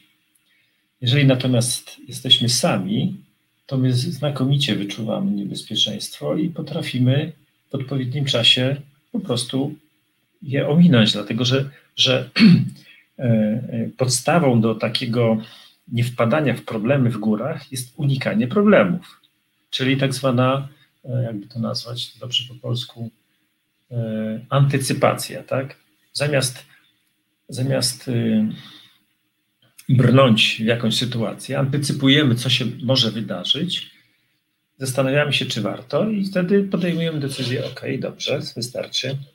To byłoby na dzisiaj. Przyjdziemy sobie, jak będzie lepiej, i wracamy. I chyba w tym jest e, główna przyczyna, dla których te, te, te, te takie wypadki się zdarzają. Chociaż ktoś powie: No tak, no ale jak na takim giewoncie tak z tego nizowego walnął piorun, to to, to jest e, jak to się mówi, no nie wiem, taki palec Boży, tak, że stało się po prostu. No nie, to tak nie jest do końca. Przy dzisiejszym stanie techniki każdy jest w stanie przeczytać sobie prognozy, jak jest napisane, że są ogniska burzowe, jak jest to śmą o dziesiąte, to, to, no to, to, to naprawdę już no nie, bez, bez przesady. Po prostu nie trzeba się wybierać na, na górę, która ma na samym końcu tej góry ma potężny stalowy krzyż. No i już. To samo jest z rysami. Przecież tam też wrócić nie jest tak łatwo, bo trzeba tą rysą schodzić cały czas na dół po tych łańcuchach, nie łańcuchach, w zimie po śniegu. Łatwo się poślizgnąć, nie ma się gdzie zatrzymać. Zwyczajnie, żeby nie było nieszczęścia, trzeba zwyczajnie starać się antycypować te wydarzenia, które, które mogłyby się wydarzyć. Włączenie wyobraźni nie boli, a pomaga. Mm, mówiłem na początku, że mam dla Pana małą niespodziankę. Mam je dwie, ale pierwsza to taka, która dotarła do nas, do, dotarła, nie, dotarła do nas z Iranu. Mm, pani, która y, y, pytała właśnie o wers, wersję anglojęzyczną naszego spotkania, zadała takie pytanie, prosto mm, do Pana. E, Parasto, mm, pozdrawiam e, Parasto. Ja przetłumaczę oczywiście i to wszystko później w komentarzu, bo tak jesteśmy umówieni. E, I, i Parasto zadała konkretne pytanie odnośnie z jakichś szczególnych miejsc, szczególnych ośrodków, gdzie na, można uczyć się takich dobrych, sprawdzonych no, tych skillsów górskich, po prostu, żebyśmy byli bezpieczni, bo myślę, że o to pani Parasto chodziło. No, pani Parasta jest z Anglii, w związku z tym, w związku z, tym z, z przyjemnością od, od, odeślę ją do moich kolegów z British Mountaineering Council, e, którzy są e, fachowcami, wiedzą co robią i, i ta brytyjska szkoła uczenia wspinania, czyli szkoła wspinaczkowa jest naprawdę dobra, więc, więc e, jeśli będzie chciała, to British Mountaineering Council chętnie się nią zajmie. Z, z tym uczeniem wspinania to jest trochę tak, że, e, że to jest e, pewna mm, pewna to jest tak jak z, z, no, parafrazując z, uczelniami wyższymi. Są, są, takie, gdzie nauczyciele są słabi, w związku z tym poziom nauczania jest słaby, a są tacy, gdzie poziom nauczania jest bardzo wysoki, bo nauczyciele są bardzo dobrzy, no ale nie wszyscy kończą. Więc, e, więc, e, więc trzeba sobie znaleźć takie, taką szkołę, gdzie, gdzie są wymagający nauczyciele, ale poziom jest taki, żebym ja sobie dał radę po prostu z tym, bo no bo co mi po takiej szkole, kiedy, kiedy się okaże, że, że nauczyciele wymagają do mnie tego, czego ja zrobić nie mogę. Natomiast podstawowa rzecz jest taka, że wiedza, którą na temat technik spinaczkowych, technik asekuracyjnych, to jest coś, co nie stoi w miejscu. To się bardzo szybko, dynamicznie zmienia z, z, ze zmianami technologicznymi w sprzęcie oraz ze stopniem wytrenowania ludzi, bo te, te wiadomości, które ja wchłonąłem jako E, uczestnik kursów na instruktora alpinizmu, to w tej chwili są no, najlepsze słowo byłyby, byłoby takie przestarzałe. I gdyby nie to, że każdy instruktor, przynajmniej u mnie w związku tak jest, że każdy instruktor musi przechodzić kolejne unifikacje i, i, no i po prostu wysłuchiwać od, od wybitnych specjalistów, co w tej chwili jest najbardziej nowoczesną nowoczesne w tej dziedzinie asekuracji czy też sprzętowej, no to, no to by po prostu, gdyby tego nie było, to by został na, na tym takim poziomie, powiedzmy swoich pierwszych kursów. To jest trochę jak w, w, w każdej uczelni, w której ja też byłem przecież przez wiele lat, że my po prostu cały czas musieliśmy się uczyć, dlatego że, że wiedza raz, raz wtłoczona do głowy po paru latach przestaje być już wiedzą aktualną. No, I tyle. Więc, więc a, a czasami bywa tak, że niektórzy nauczyciele i w górach, i na uczelni, i w szkole średniej, jak się raz nauczyli, tak będą do końca życia to samo wykładać. Jak to im zabroni? Tylko, że to akurat nie ma sensu zupełnie. Po, po, pozwolę sobie jeszcze mm, załączyć komentarz od Parasto. Przekazuję przede wszystkim, tak myślę, swoją wypowiedzią ukłony dla Was, dla Pana, pan dosyć dżentelmeńsko przekazał wszystkie podziękowania, pozdrowienia swoim współzałogantom wszelkich wypraw, więc traktuję to jako taki ukłon dla Pana i dla wszystkich, którzy ten alpinizm y, uprawiają. I również mm, Parasto napisała, tak jak powiedziałem wcześniej, że, że w przyszłości ma nadzieję na spotkanie w języku angielskim po to, by w Iranie, skąd pochodzi, gdzie jest wiele osób które znają do, dokonania Polaków lat 80., 70., 80. i obecnych y, za, za wielkie, tak więc bardzo się cieszę. Ta y, moja rozmowa z Parasto była wczoraj. Wiem, że ona nas dzisiaj słucha, ale myślę, że polski język jest na tyle skomplikowany, że będzie jej trudno. Y, Parasto, thank you very much for your questions and see you then. Mam kolejne pytanie, czy kolejne spostrzeżenia odnośnie y, naszej rozmowy y, i od tego, co, y, do czego mógłby się Pan odnieść. Panie Piotrze, jak bezpieczniej przejść przez całą drogę od Tatr aż pod Himalaje i Karakorum? Mowa o odpowiednio bezpiecznym przygotowaniu i niejako zahartowaniu się pod ośmiotysięczniki? Znaczy nie ma złotej recepty oczywiście, bo, hmm, no bo nie ma, bo, bo to jest trochę tak jak z, z wszystkim, co robimy w życiu, że e, niektóre recepty są bardzo osobnicze. Moja recepta jest bardzo osobnicza, bo była dostosowana do, do moich możliwości. No, jak czytałeś książkę, to wiesz, że żaden ze mnie heros. No, miałem ciężkie dzieciństwo, takie no, nie, nie, że do szkoły pod górę chodziłem i tak dalej, tylko, tylko po prostu zdrowia, nie miałem w tym dzieciństwie, co spowodowało, że no, tych sportów nie uprawiałem przez wiele lat. Potem zacząłem uprawiać, to wszyscy się o mnie bali, że umrę i tak dalej, i tak dalej. No, no były na całe szczęście, to były strachy na lachy, co świadczy o tym, że, e, że jeżeli człowiek chce być silnym, zdrowym i sprawnym, to medycyna jest bezsilna. Więc, e, więc udało mi się udało mi się jakoś to wszystko przezwyciężyć, ale, no ale to oczywiście też e, zostawiło ślady i na psychice, i na fizyce, bo no, kompletnie nie, nie, nie wyglądam tak jak, tak jak yy, na przykład mój najstarszy syn, który jest kawałem chłopa, takiego dobrze zbudowanego, no ja nie.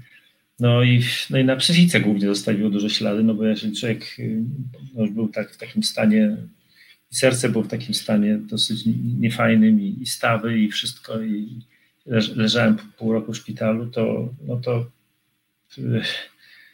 ma, marzenie o tym, że będę kiedyś wielkim alpinistą, wielkim, że będę alpinistą i że, i że będę przebywał w górach wysokich, no to było takie, no takie dzieci czasami marzą o różnych rzeczach. Ja miałem wtedy książki, czytałem je i to były książki o górach i o wyprawach polarnych, akurat tak się służyło.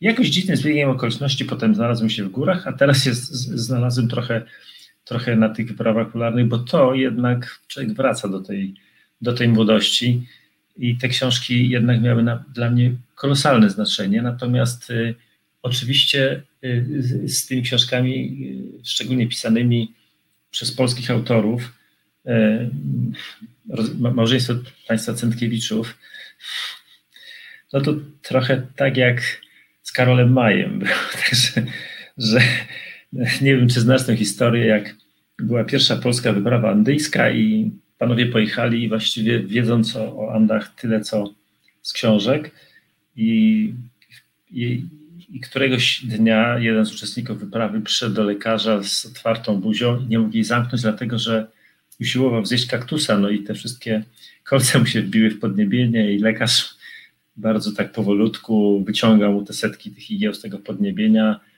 pozostawiając niestety ślady i ból straszny w tym podniebieniu. A że ten człowiek pisał pamiętniki codziennie, to następnego dnia koledzy podpatrzyli, jak pod tą datą było napisane Karol Maj Blagier, kaktusy nie są jadalne. No więc, więc, więc niektóre wiadomości z, z tych książek, które czytałem w wieku 12-13 lat, no, były tego pokroju. To znaczy, dowiadywałem się o rzeczach, które potem w górach, jak, jak musiał je zweryfikować, to, to nic by z tego nie wyszło.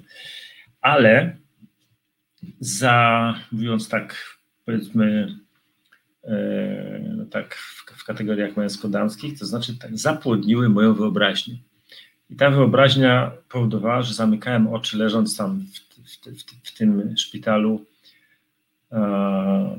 pediatrycznym leżałem, zamykałem oczy i widziałem siebie, jak ciągnę te wielkie 150-kilogramowe sanie i obok mnie idzie po jednej stronie Amundsen, po drugiej stronie Nansen i, jestem takim samym wielkim chłopem jak oni, przy czym no, na zdjęciach to wyglądało jakby Amundsen był malutki, taki półtora metra raptem. I ja przez wiele lat myślałem, że on taki był. Dopiero jak przeczytałem książkę Ostatni Wiking i zobaczyłem jego zdjęcie, to już chłop prawie dwumetrowy, wielkie byczysko. Więc Państwo Centkiewiczowie chyba trochę przejęli z tym opisem, że on taki malutki i w ogóle. No, ale, ale to, samo, to samo było z, z Johnem Huntem i z, i z tym, tą wyprawą na, na Everest pierwszą z 53 roku. No, też się widziałem na, na, na czele tej wyprawy z, tym, no, z tą maską tlenową i z tym wszystkim, z tym anturażem alpinistycznym. Skończyło się jak się skończyło, ale, ale no ale no, mogę podziękować tylko sobie wtedy, że czytałem książkę, bo, bo no, one jakoś mnie zaprowadziły w te góry. Nie wiem, czy odpowiedziałem pytanie, bo zapomniałem, jakie, jakie było pytanie, ale, ale tak to Ale odpowie, odpowie, odpowie, od, odpowiedział Pan i bardzo mocno wybiegł Pan w temacie, bo ja odnośnie y, Amundsena, że, że to był właśnie taki, taki, taka postać, którą Pan jako, jako jeszcze mały chłopiec miał w swoich, w swoich myślach, ale znowu y, pozwolę sobie odnieść się do książki, gdzie Pan to dobrze opisał. Później taki Mm, aspekt norweskich, e, e, akcent norweski pojawił się dokładnie w tysiąc, nie, nie wiem w którym, pod K2, gdzie dostaliście, dostaliście wsparcie od Norwegów z wielkimi saniami, gdzie można było pana Heisera przetransportować po jego upadku. I to też taki, taki akcent norweski. E, a kolejny akcent norweski, o którym mm, chcę panu teraz powiedzieć, to są przede wszystkim bardzo ciepłe pozdrowienia E, od e, człowieka, który był z panem na wyprawie polarnej na Grenlandii, od Borda, z którym rozmawiałem.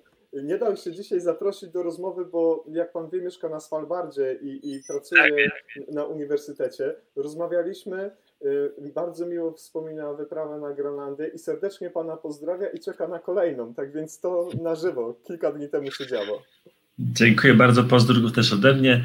Rzeczywiście było tak, że e, on był takim moim przewodnikiem e, na, na trawersie Grenlandii i, był no, po prostu jest fajnym kumplem.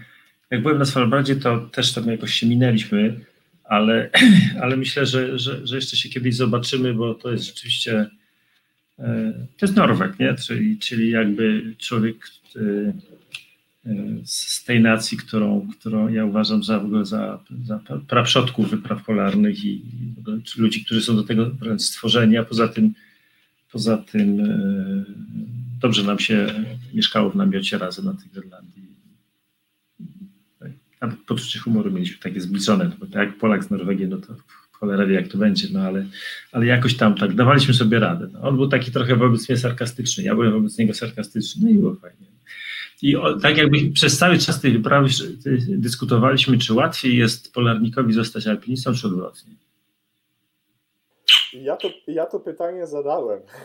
Jak on, jak on oceniał e, jakby może nie pańską postawę, bo jakby to nie chciałem o to pytać, ale właśnie jakby on oceniał w ogóle ludzi, którzy y, przychodzą na inną sposób, inne sposoby aktywności, kiedy schodzą z bardzo wysokich gór, gdzie są inne ciśnienia, gdzie inne są zawartości y, tlenu w powietrzu i tak dalej i nagle muszą przenieść się na inny rodzaj wysiłku, gdzie idą godzinami, dniami, tygodniami po płaskim terenie, często okraszonym różnymi dziurami, różnymi szczelinami, gdzie ciągną właśnie te wspomniane ciężkie 150-kilowe sanie, tak jak Amundsen w pańskiej głowie, w pańskiej wyobraźni, kiedy był pan małym dzieckiem. I to rzeczywiście prawda.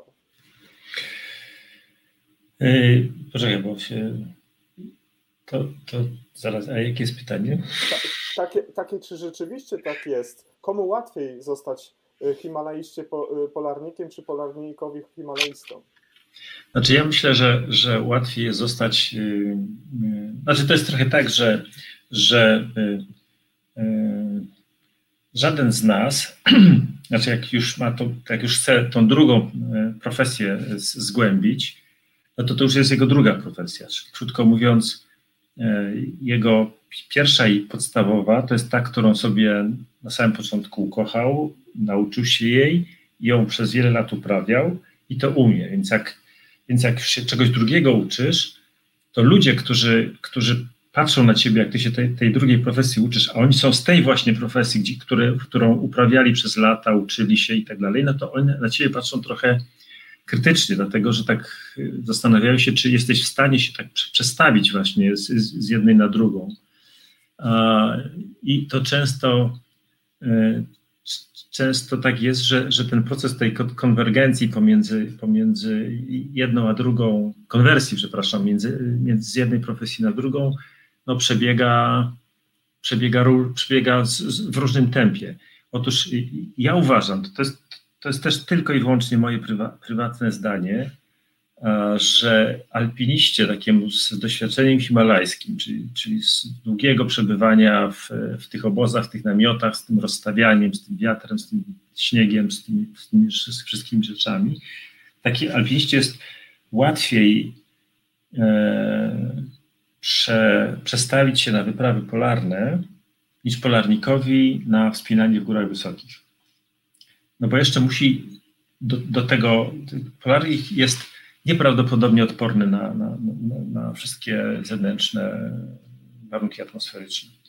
On potrafi pracować w takich warunkach, w których no, my, my często wymiękamy, bo jednak trzeba, trzeba pamiętać, że, e, że e, wyprawy polarne są zawsze w okolicach, nie wiem, 70-80 stopnia szerokości geograficznej północnej i tyle samo po drugiej stronie południowej. Czyli w takich, w takich warunkach, które, e, no, pomijając to ocieplenie klimatu i te, i to wszystko, to, to, to jednak to są warunki bardzo, bardzo skrajne. I często w dużych górach nawet tak nie jest. To znaczy nie, nie, nie, spotykasz się z takimi, z takimi zjawiskami, jak, jak bo duże góry, no, z wyjątkiem może rosyjskiego Pamiru, to są jednak na szerokości geograficznej Rzymu. Więc Himalaje to nie są góry zimne, to są góry ciepłe. No ja oczywiście mówię o warunkach letnich, nie o warunkach zimowych. Więc, więc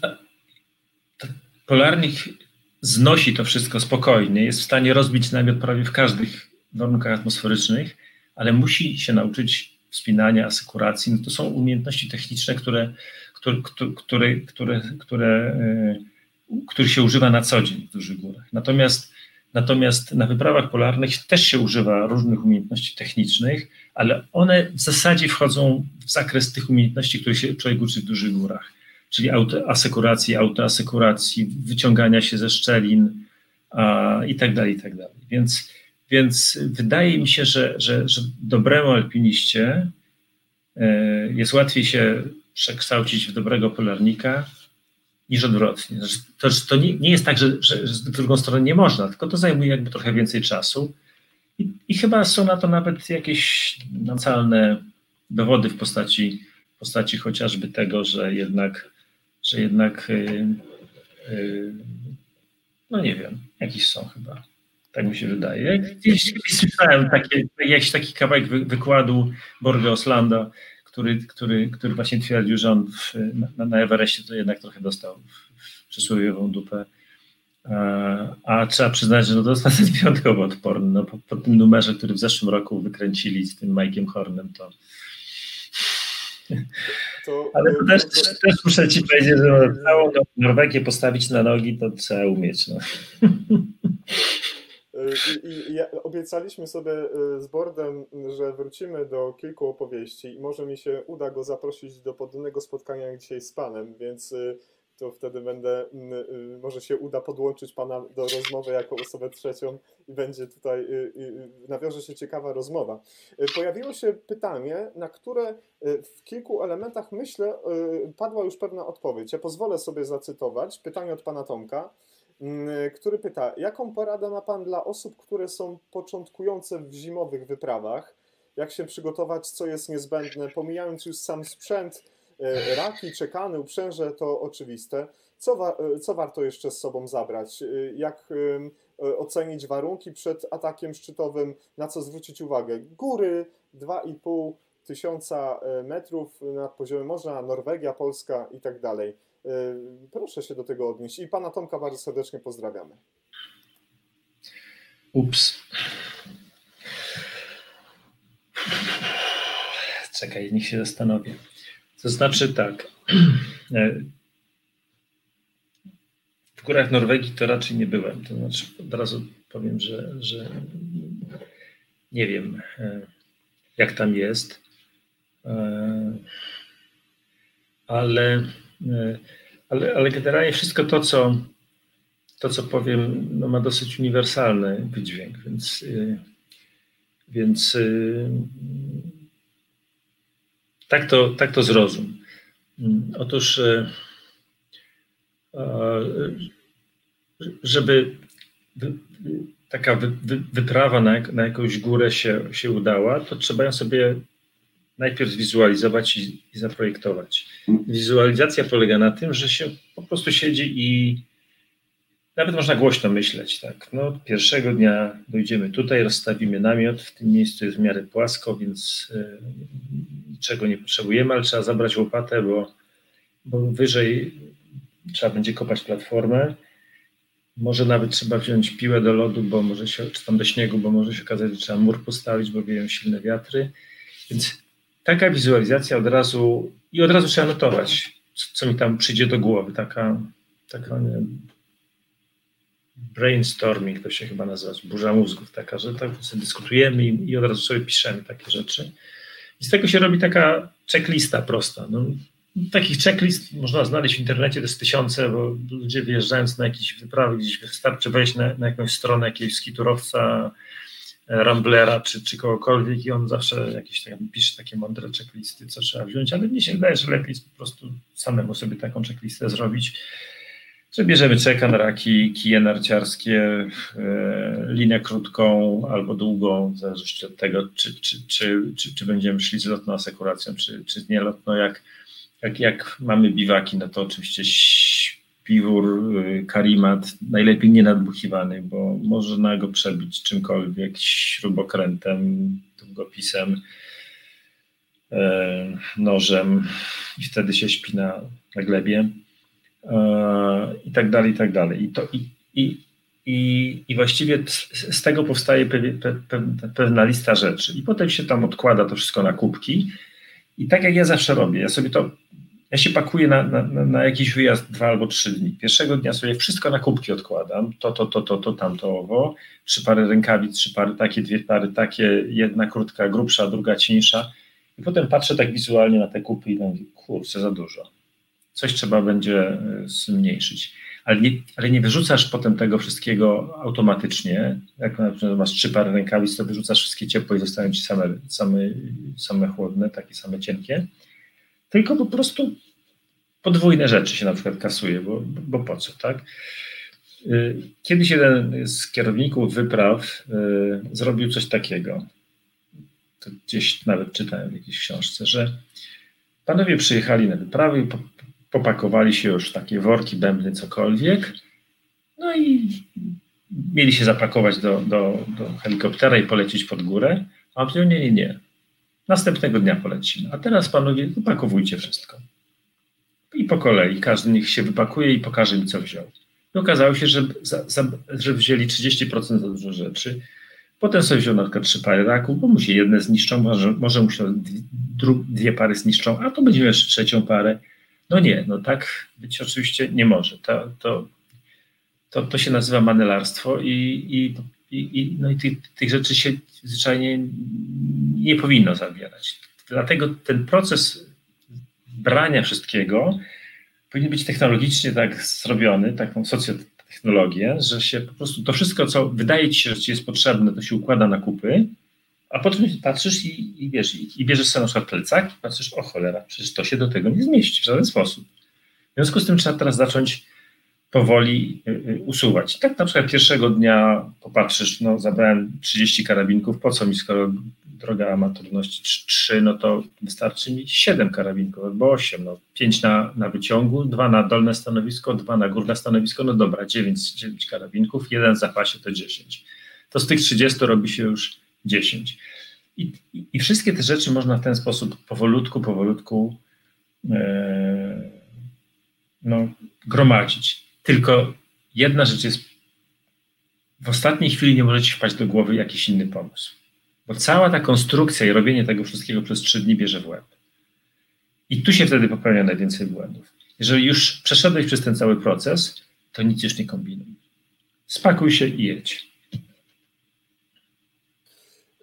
Tak więc mamy nadzieję, że uzyskał Pan prawidłową, znaczy satysfakcjonującą go odpowiedź. Moją, nie prawidłową, moją. W tym momencie pozdrawiam e, Anię Spychałek, którą, którą bardzo, bardzo serdecznie tutaj y, wyściskuję. Ania napisała, że ma dokładnie taki sam system pakowania. Ania, y, wiem, że jesteś w górach, wiem, że nas oglądasz, wiem, że nas słuchasz i y, Ania też prosiła, żebym zadał panu takie pytanie w kontekście tego, co się mm, wydarzyło w, w Pakistanie. Mm, na początku już o tym mówiłem, całe środowisko jest bardzo poruszone. Mm, Ania zapytała w kontekście choroby wysokościowej, co może się wydarzyć z organizmem na dużych wysokościach?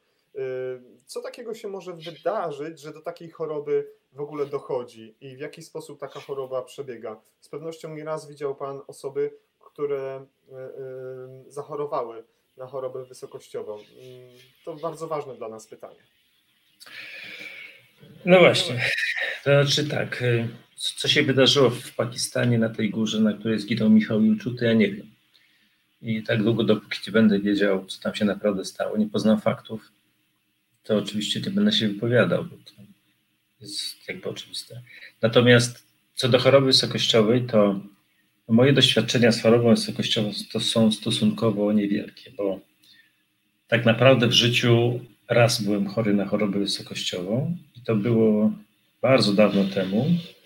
Na jednej z pierwszych takich wysokich gór, ona miała wtedy 6800 metrów i zaczęło się od niewinnego bólu głowy.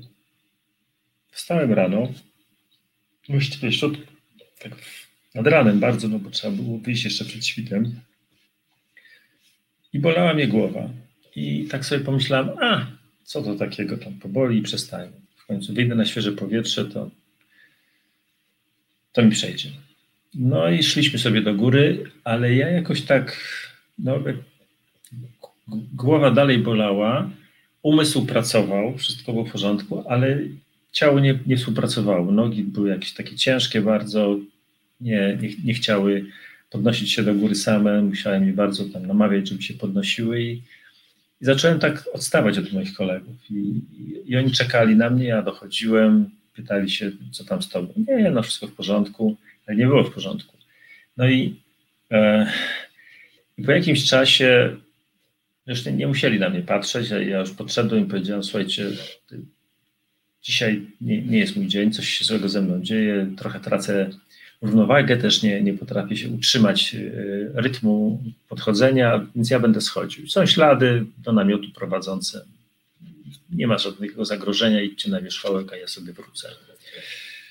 Takie rozwiązanie no jest dopuszczalne oczywiście. Byłoby lepiej, gdyby ktoś ze mną wrócił, no ale też nie, nie, nie mogę być taki samolubny. To, to rzeczywiście w moim odczuciu to nie groziło niczym, więc spokojnie zacząłem schodzić. Zacząłem schodzić i wydawało mi się, że wszystko jest dobrze. Głowa cholernie bolała coraz bardziej. Zacząłem się pocić, mimo że w ciągu dnia było dosyć ciepło, jak na tę część świata. I zacząłem się pocić. Ten pot był taki, powiedziałbym, no, nieproporcjonalny do wysiłku, no bo w końcu schodziłem na dół.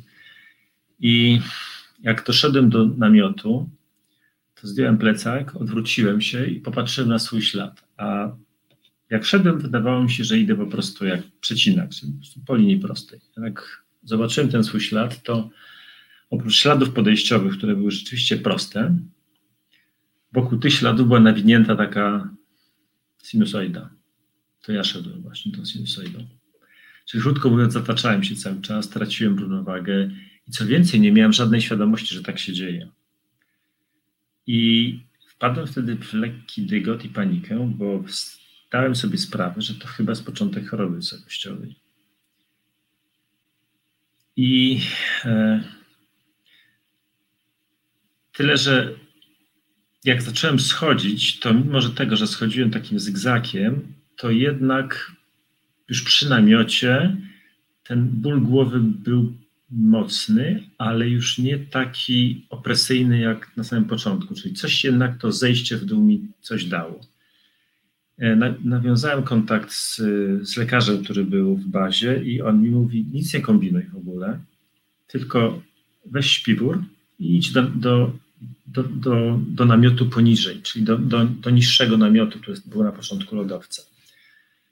Ja doszedłem do tego namiotu i już wtedy ten ból głowy mi powoli puszczał. Zacząłem się czuć coraz lepiej, ale byłem strasznie słaby. I wyobraźcie sobie, że, że byłem taki słaby i tak zasypiałem, że dwie menażki wody wylałem y, do namiotu, bo po prostu się z wysiłku przewróciłem po prostu na, na, na, na maszynkę wygotowania. I, e, no i to był jakby koniec mojej choroby wysokościowej. To zejście na dół de facto uratowało mi zdrowie. I to jest właściwie jedyne lekarstwo skutecznie działające, jakie do tej pory ludzkość, ludzkość ma. To znaczy, jeśli nie ma nic innego, a w moim przypadku nie było niczego innego, nie było ani komory gamowej, ani tlenu, ani niczego takiego, bo po co? Poza tym byliśmy takim bardzo low budget expedition, to, no to po prostu zejście na dół było jedyną, jedynym dobrym lekarstwem. I dlatego wszystkim ludziom, którzy za, zaczynają się czuć nieswojo w swojej skórze w górach, coś takiego radzę. W ogóle się już nie zastanawiaj nad tym, czy, czy to jest y, objaw jakiejś słabości, czy zaraz będziesz miał biegunkę, czy ci skoczyło ciśnienie, czy nic. Bo może tak być, ale niestety w większości przypadków to jest objaw choroby wysokościowej i wtedy im szybciej zejdziesz na dół, tym dla ciebie jest lepiej. Bo ona się nie zdąży rozwinąć, zanim ty po prostu y, odzyskasz jakby kontrolę nad, nad, nad, nad sobą. I większość, y, większość wypadków, które miały, miały miejsce z udziałem choroby wysokościowej jako czynnika, wiązała się z tym, że ludzie po prostu nie schodzili. Czy to dlatego, że już nie mogli, czy to dlatego, ale jeśli już nie mogli, to znaczy, że przeciągnęli coś. Za długo to trwało wszystko. Czy po prostu, że lekceważyli, szli dalej do góry. No i to jest e, chyba takie najbardziej e, prosta odpowiedź na, na Twoje pytanie. Tak mi się wydaje. Po prostu nie ma lepszego lekarstwa, poza tym, że trzeba brać nogi za pas i schodzić z tej góry. Y, dziękujemy za tę odpowiedź, bo wiemy, że w kontekście o, o, o, mm, wydarzeń, które się dzieją, mm, działy w ostatnich godzinach przed sezonem zimowym w Tatrach, w Sudetach, w Karkonosach, wszędzie tam, gdzie eksplorujemy góry, y, warto o tym mówić. Pozwolę sobie jeszcze wrócić do, do pytania, które zadał pan Łukasz y, Czciński. Y, y, y, wiem, że już jest godzina 19.30. Myślę, że pomału będziemy kończyć, Panie Piotrze, bo nie chciałbym zabierać Pańskiego czasu. Nie, spokojnie, możemy rozmawiać. No to świetnie. Jeżeli nasz czas nie goni, to świetnie. Pan Łukasz chciał uściślić uzyskanie odpowiedzi na pytanie, które zadał wcześniej. Chodzi głównie o to, gdzie złapać, kolokwialnie mówiąc, doświadczenie i jak trenować, y, by zdobywać te najwyższe szczyty w Himalajach. Y, panie Łukaszu, jeśli nie do końca sprecyzowałem Pańskie pytanie, to teraz wklejam y, Pańskie pytanie bezpośrednio na profil. Okej. Okay. Recepta na to, w jaki sposób zdobywać Himalaje jest w mojej książce. Nie dlatego, żebym się tak strasznie chwalił tym, że tam wszystko jest tak mądrze napisany, tylko że to jest w ogóle opisane. Znaczy, moja, moja droga, no i jakby ja tym, że mogę teraz tutaj z wami siedzieć i rozmawiać i a, to, to chyba to, to świadczy o tym, że, że droga, którą zastosowałem, y, no, jakiś sens ma. A ten sens polega na tym, że, że, że trzeba dosyć cierpliwie tę ścieżkę przejść. E, że ja trenowałem mówiąc kolokwialnie, no, się, bo to trudno treningiem nazwać, jest przecież fantastyczna przyjemność.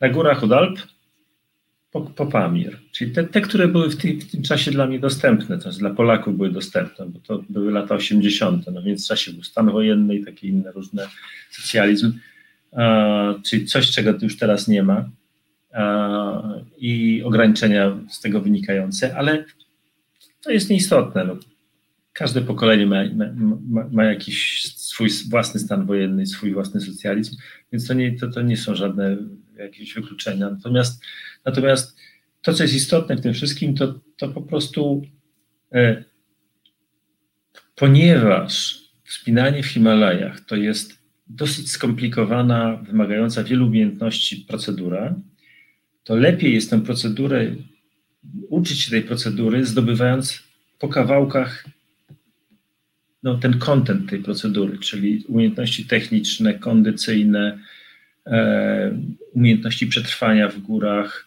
umiejętności wycofywania się z nich i tak dalej, i tak dalej. To wszystko zdobędziesz w, w niższych trochę górach, gdzie nie, nie musisz kumulować tych wszystkich tych wszystkich, e, tej, tej całej nauki. To znaczy nie musisz się wszystkiego naraz uczyć, tylko po prostu po kawałku. W Tatrach się nauczysz wspinać, wspinania skalnego, może mogą to być jakieś, jakieś Alpy w, w Austrii na przykład. E, w, w, Alpach nauczysz się, jak chodzić po lodowcach i, i co jest szalenie istotne, jak, jak sobie radzić z, z takimi zjawiskami jak szczeliny lodowcowe na przykład, teren lodowcowy w, w, w tych, w, no, w Kaukazie czy też, czy też w Pamirze no, po prostu zobaczysz skalę tych gór, że to, że, że to, co w Tatrach jest do zrobienia w jeden dzień, to tam jest do zrobienia w trzy dni. W związku z tym trzeba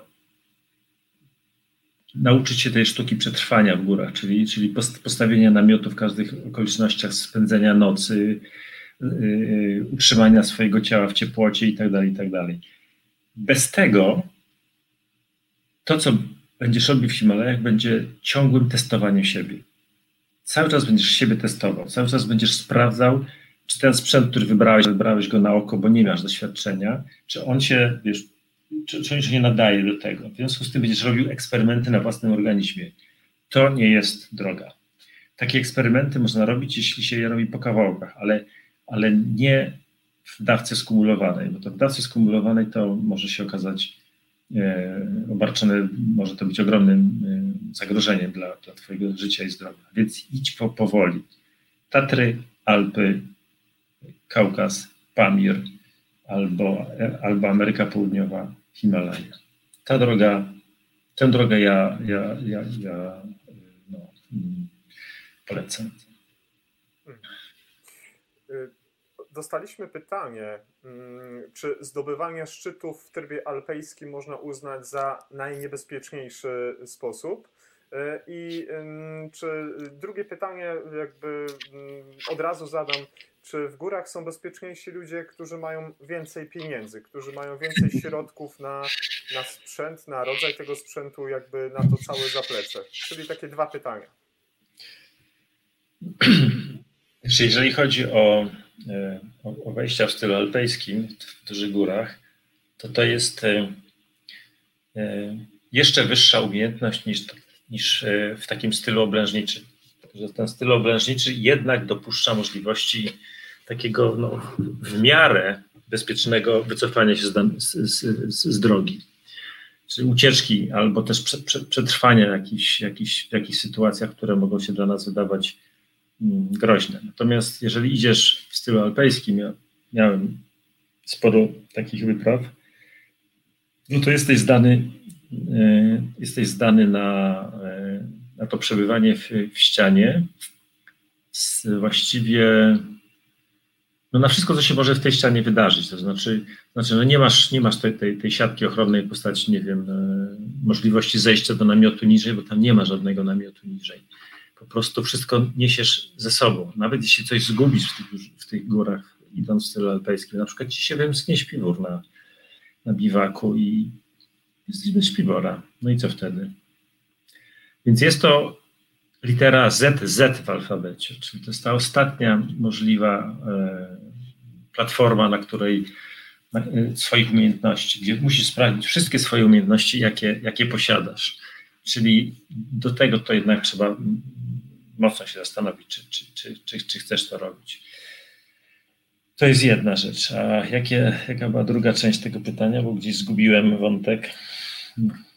Hmm, to jest to. A co było drugie? Nie słyszę.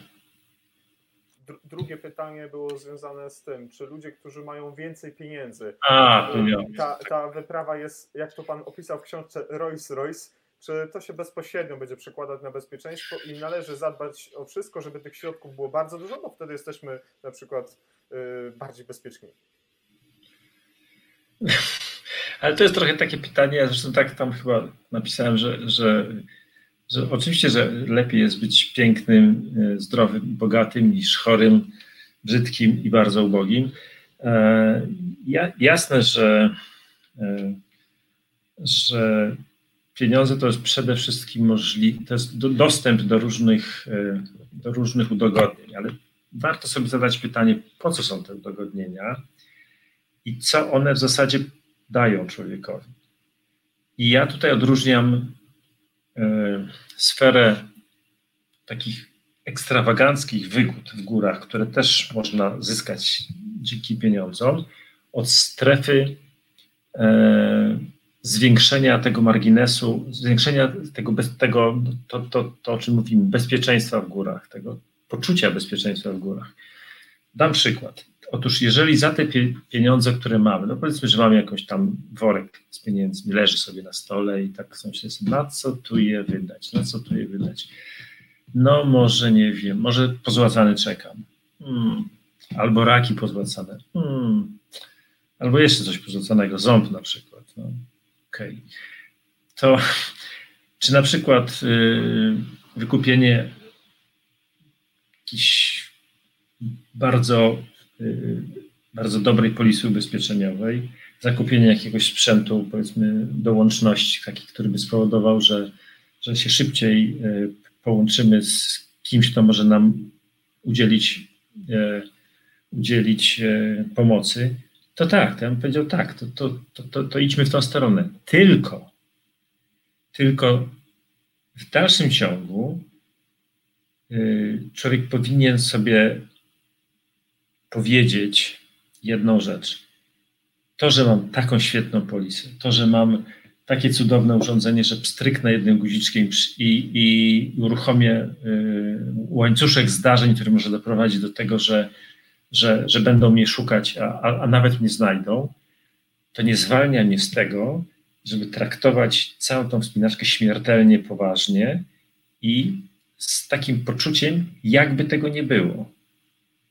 Mam to, wiem, że mam, ale cały czas postępuję tak, jakby tego nie było. Jakbym nie, jakbym nie, nie miał możliwości skorzystania z takich, z takich udogodnień.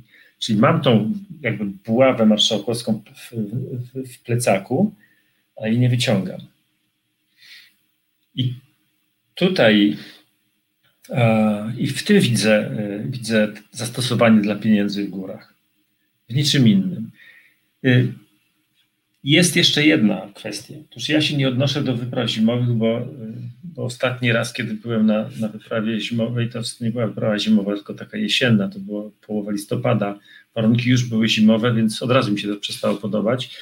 Ale, mm, ale tam jakby takim elementem niezwykle istotnym podczas wypraw zimowych jest odzyskiwanie siły po wysiłku w, w, w, powyżej bazy. My normalnie na wyprawach letnich schodzimy do bazy, gdzie jest przeważnie dosyć ciepło, jak na warunki e, himalajskie. Czasami świeci słońce, czasami jest bezwiecznie, czasami są temperatury dobrze powyżej zera, bo na, na różnych filmach widać, jak ludzie chodzą w krótkich rękawkach i tak dalej. Czyli są warunki do regeneracji organizmu, prawda? Wyrzucenia tego znaczy naprawy tych włókien mięśniowych, które się, które się niszczą podczas takiego wysiłku i tak dalej. Natomiast w zimie tego nie ma. I dlatego, jeżeli mamy się zregenerować, jeżeli mamy przedłużyć sobie ten, ten, ten czas działania aktywnego w dużych górach, to musimy zadbać o to, żeby w bazie był absolutny komfort. To znaczy, żeby te, te, te mesy były ogrzewane, żeby można było tam naprawdę jak na, jak na takie warunki w sposób taki wygodny odpocząć, żeby się można było zregenerować, żeby wręcz można było, nie wiem, wykonywać nawet jakieś ćwiczenia, które, które spowodują to, że, że, że mięśnie nam się będą szybciej regenerować, bo o to właśnie chodzi. Chodzi o to, żebyśmy do następnego wyjścia wyszli e, z, z, no, z takim poziomem energii w mięśniach, jaki mieliśmy za poprzednim razem. I, i na to powinny iść y, no, te pieniądze z tego worka, który tutaj koło mnie stoi. Patrzę, tak nic nie stoi. No dobra, okay. ja, ja, ja mam dwa, chętnie się z Panem podzielę. A, panie, panie Piotrze, z racji takiej, że ma Pan tytuł doktorski naukowy, jest Pan doktorem chemii, e, ale to się okazało, że w górach wysokich, nie wiem czy to koledzy Panu taki psikus robili specjalnie i krzyczeli między sobą doc, doc, Y, y, jak się miejscowi do, dowiadywali, że jest pan y, doktorem, to oni od razu pana osaczali i trzeba było całą wioskę leczyć i pomagać i korzystać z specyfików. Historia z książki oczywiście. A proszę powiedzieć, czy w jakiś specjalny sposób himalaiści, alpiniści, eksploratorzy wysokich gór szkolą się z punktu widzenia udzielania takich zaawansowanych metod udzielania pierwszej pomocy. Ja jestem medykiem, więc to pytanie bezpośrednio ode mnie. Czy jesteście jakoś mocno szkoleni? Wiemy, że na różnych wyprawach dzieją się i, i urazy, i problemy z chorobami wysokościowymi, bo są tam też leki, które się podaje. Jakie pan ma doświadczenia z punktu widzenia nabywania umiejętności i, i zdolności do radzenia sobie w takich krytycznych sytuacjach, kiedy worek pieniędzy jest i helikopter y, y, czy statek powietrzny doleci, on doleci dopiero jak się uspokoi y, ta burza, która nad wami przychodzi?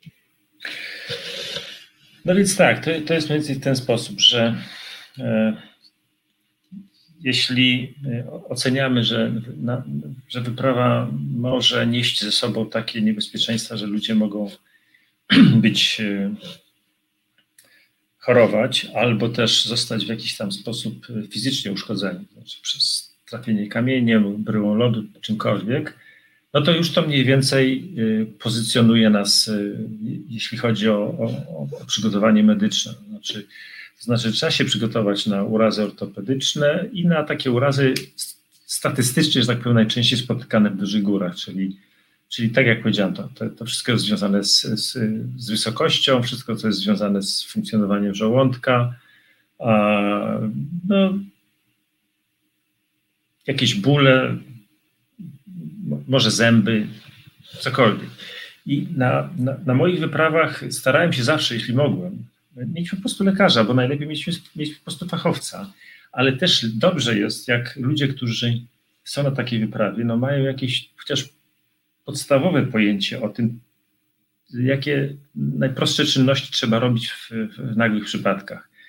I, I ja się tego uczyłem od mojej szwagierki, która była lekarzem, i ona po prostu przed wyprawami mnie tam wyposażała w różne, różne rzeczy, między innymi stetoskop i aparat do mierzenia ciśnienia i dlatego tak wyglądałem trochę jak lekarz. Ale też mi mówiła, na co zwracać uwagę. To, no ale to, to była jakaś proteza taka, bo, bo, bo tej wiedzy medycznej, tej, tej umiejętności tej, i tego doświadczenia lekarzy, to, to żaden z nas nie miał i mieć nie będzie nigdy. Więc najlepiej jest mieć lekarza na wyprawie, oczywiście, i to najlepiej mieć takiego lekarza, no, który, nie wiem, jeździ w pogotowiu albo był na wojnie, bo, bo mu tak najlepiej, bo, bo po prostu poradzi sobie. No, raz miałem na wyprawie pediatrę, no i trochę się zdziwiłem. Teraz miałem psychiatry, też się zdziwiłem, ale, y, ale generalnie rzecz biorąc, y, no taki lekarz wojenny, na przykład, nie wiem, z jakichś sił specjalnych, no to to sobie poradzi w każdych e, okolicznościach. No ale jeżeli tego nie ma, no to, to każdy z nas musi się po prostu tego trochę nauczyć. Już w tej chwili to nie jest tak jak kiedyś, że, że, że to była jakaś wiedza tajemna. E, nasi koledzy z, z medycy z, ze środowiska e, prowadzą kursy, uczą, lety, potem ci ten cały sprzęt przygotowują, także wręcz można nawet konsultować sprawy przez telefon i prowadzić jakieś tam działania e, e, w oparciu o ich, o ich porady. Ja na przykład kiedyś przez telefon satelitarny z, z obozu pierwszego e, no, zdiagnozowałem prostatę jednego z naszych, naszych kucharzy w bazie. To się związało po tym, że trzeba było go jakoś tam jak to się ładnie mówi, zaopatrzyć, a to nie, nie było nic fajnego, no więc nie będę o tym mówił. Może nas, może nas słuchają, nie wiem, dzieci, więc lepiej. Ale w każdym razie no, na, na, na, takie sytuacje czasami trzeba być przygotowany. No, wyrywałem zęba na, w Tybecie jakiemuś dziecku, no, robiłem zastrzyk w dziąsło e, i tak dalej, i tak dalej. No, to, to, to oczywiście uważam, że, że, że ktoś, kto kompletnie nie wie, jak funkcjonuje ludzki organizm, jest, jest po prostu człowiekiem ułomnym zupełnie. I, no i po prostu jeśli działa w zespole dwuosobowym, to ten drugi musi wiedzieć cokolwiek na ten temat. Ale najlepiej mieć jednego fachowca albo dwóch. Na jednej wyprawie miałem dwóch fachowców. Jeden był ortopedą, a drugi był e, transplantologiem. No i z tym drugim to był taki problem, że na przykład żadnego opatrunku nie potrafił zało założyć, bo to był amerykański transplantolog, to on tylko wymieniał te narządy i wychodził. A resztę za niego robili paramedycy. No więc jak ja miałem y, poważne uszkodzenia po upadku, no to tak na to popatrzył i mówi, no to trzeba go zabandażować. No, ale on sam tego nie zrobił, bo on nie umiał. Ale potrafił się do tego przyznać, że nie umiał. Więc, ja, się, ja się sam zaopatrzyłem, czyli sam się y, owinąłem tam bandażem. A to, to o tym drugą książkę napisać.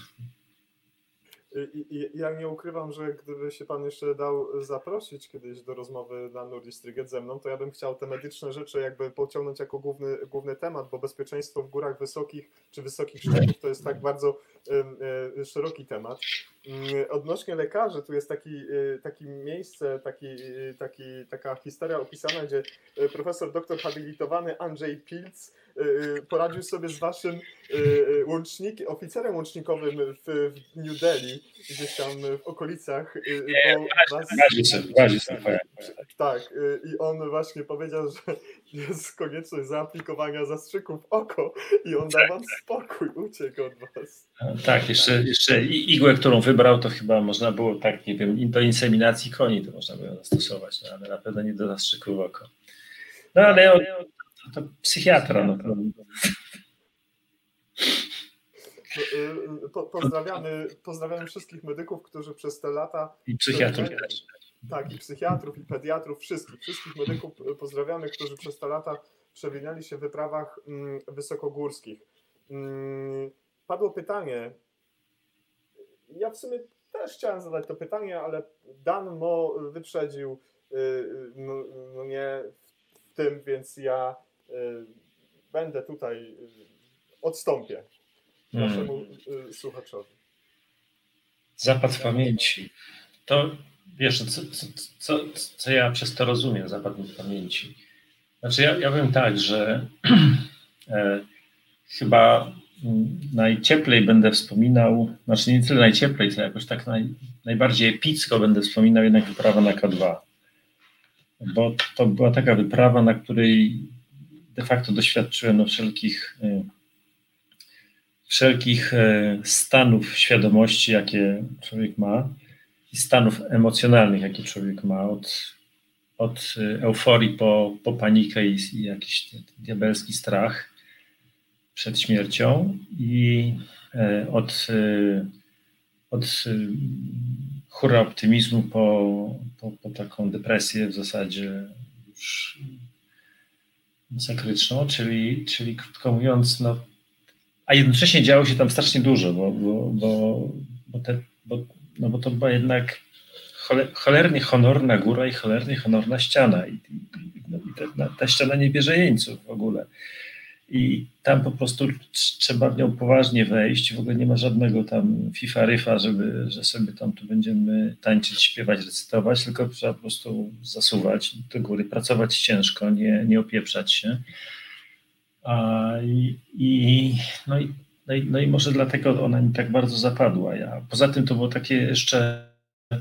E, odnieśliśmy taki e, sukces, to znaczy weszliśmy na wierzchołek po bardzo nie, e, długiej i, i, na szczęście skończonej pozytywnie akcji ratunkowej na, na naszym koledze Włochu Markowianki.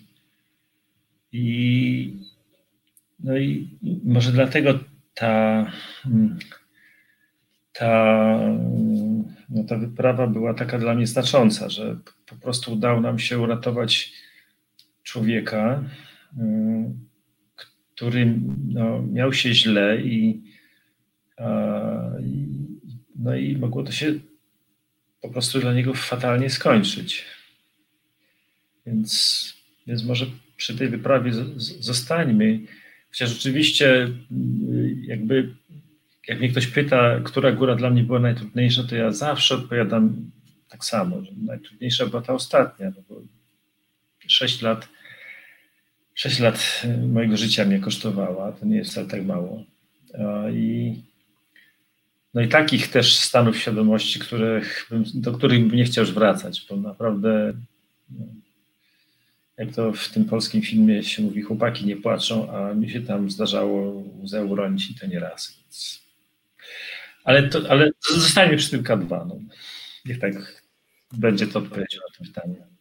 I znowu, drodzy Państwo, mm, to co Pan Piotr raz powiedział, ja celowo nie ciągnę tematu, chociaż korciłoby mnie, żeby tam trochę tego e, dziennikarskiego mm, mikrofonu jeszcze zaczerpnąć w tych wypowiedziach, ale zostawię to dla Państwa, bo te 6 lat, o których Pan powiedział, mm, tutaj są tak skrzętnie opisane.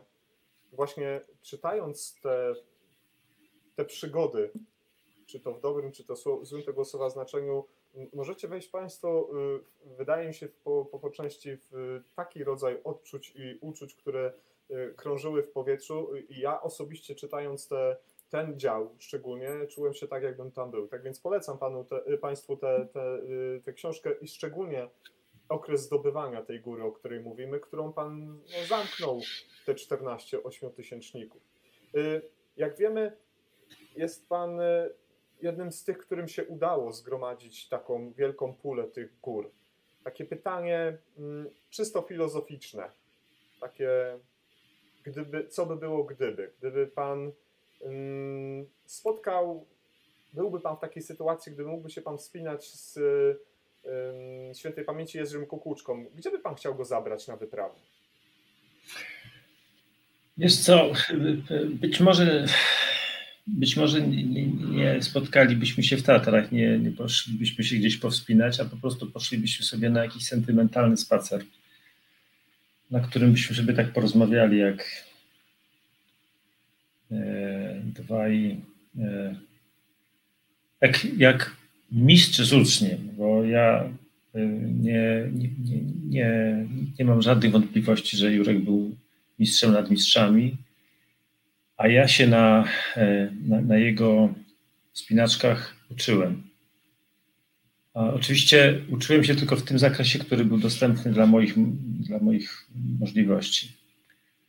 E, bo on był człowiekiem, który rodzi się raz na 5 milionów, 10 milionów, 15, może pół miliarda ludzi.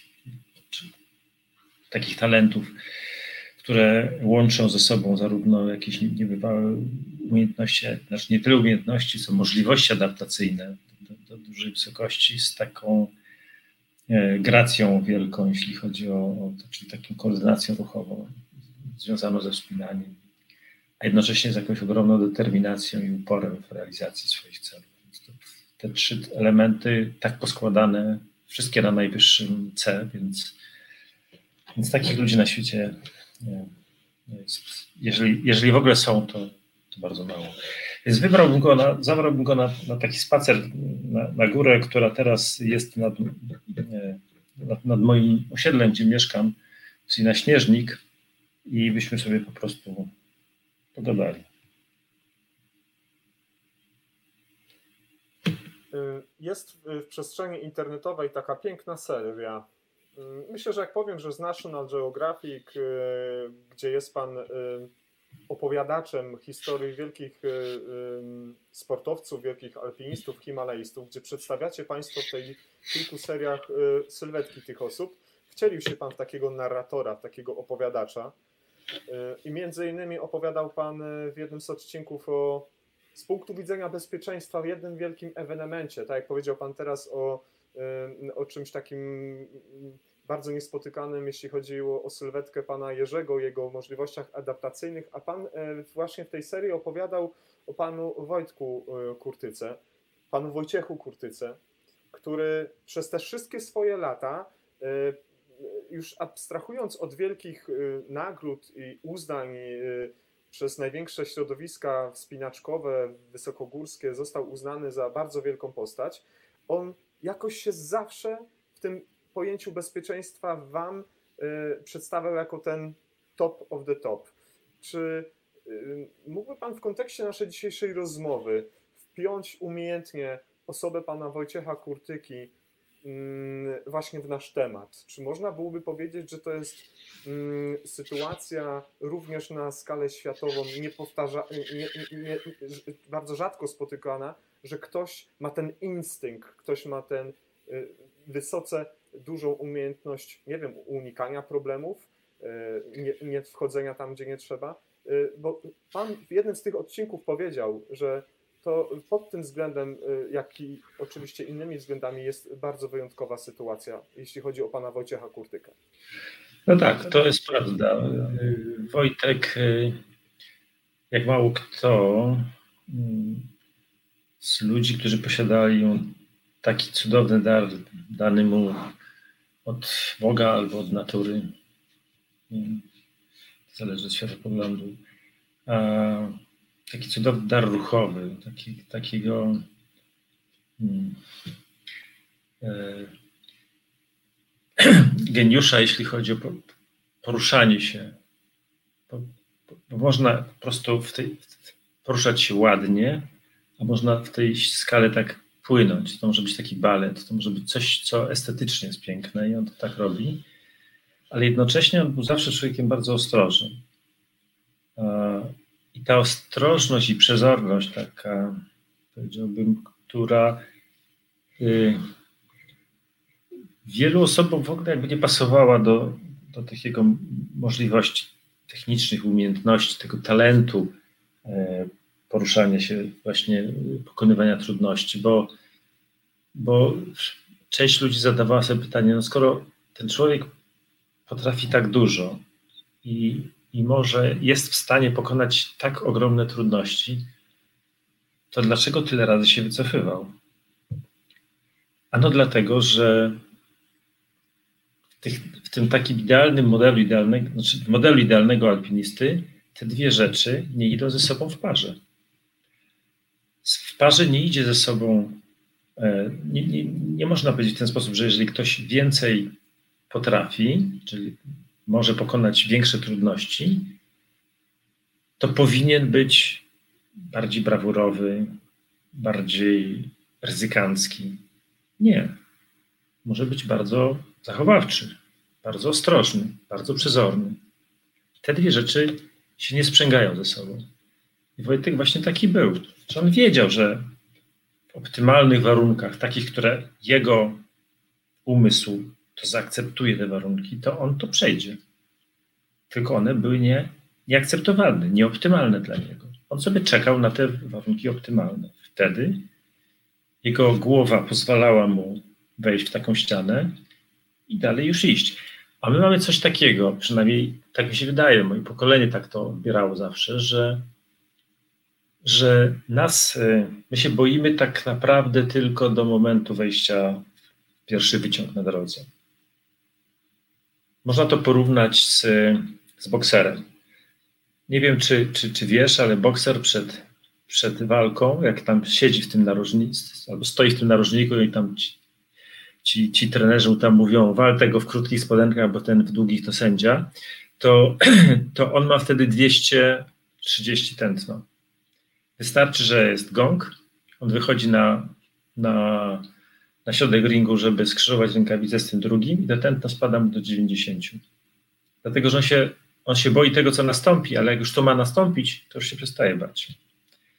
Więc u nas też tak jest. My się boimy tego, co ma nastąpić, ale jak już wejdziemy w tę ścianę, jak już się zdecydujemy na to, żeby w nią wejść, to już się nie boimy. To już po prostu strach zamienia się w, w przemożną chęć działania. I to, ta przemożna chęć działania dominuje nad strachem.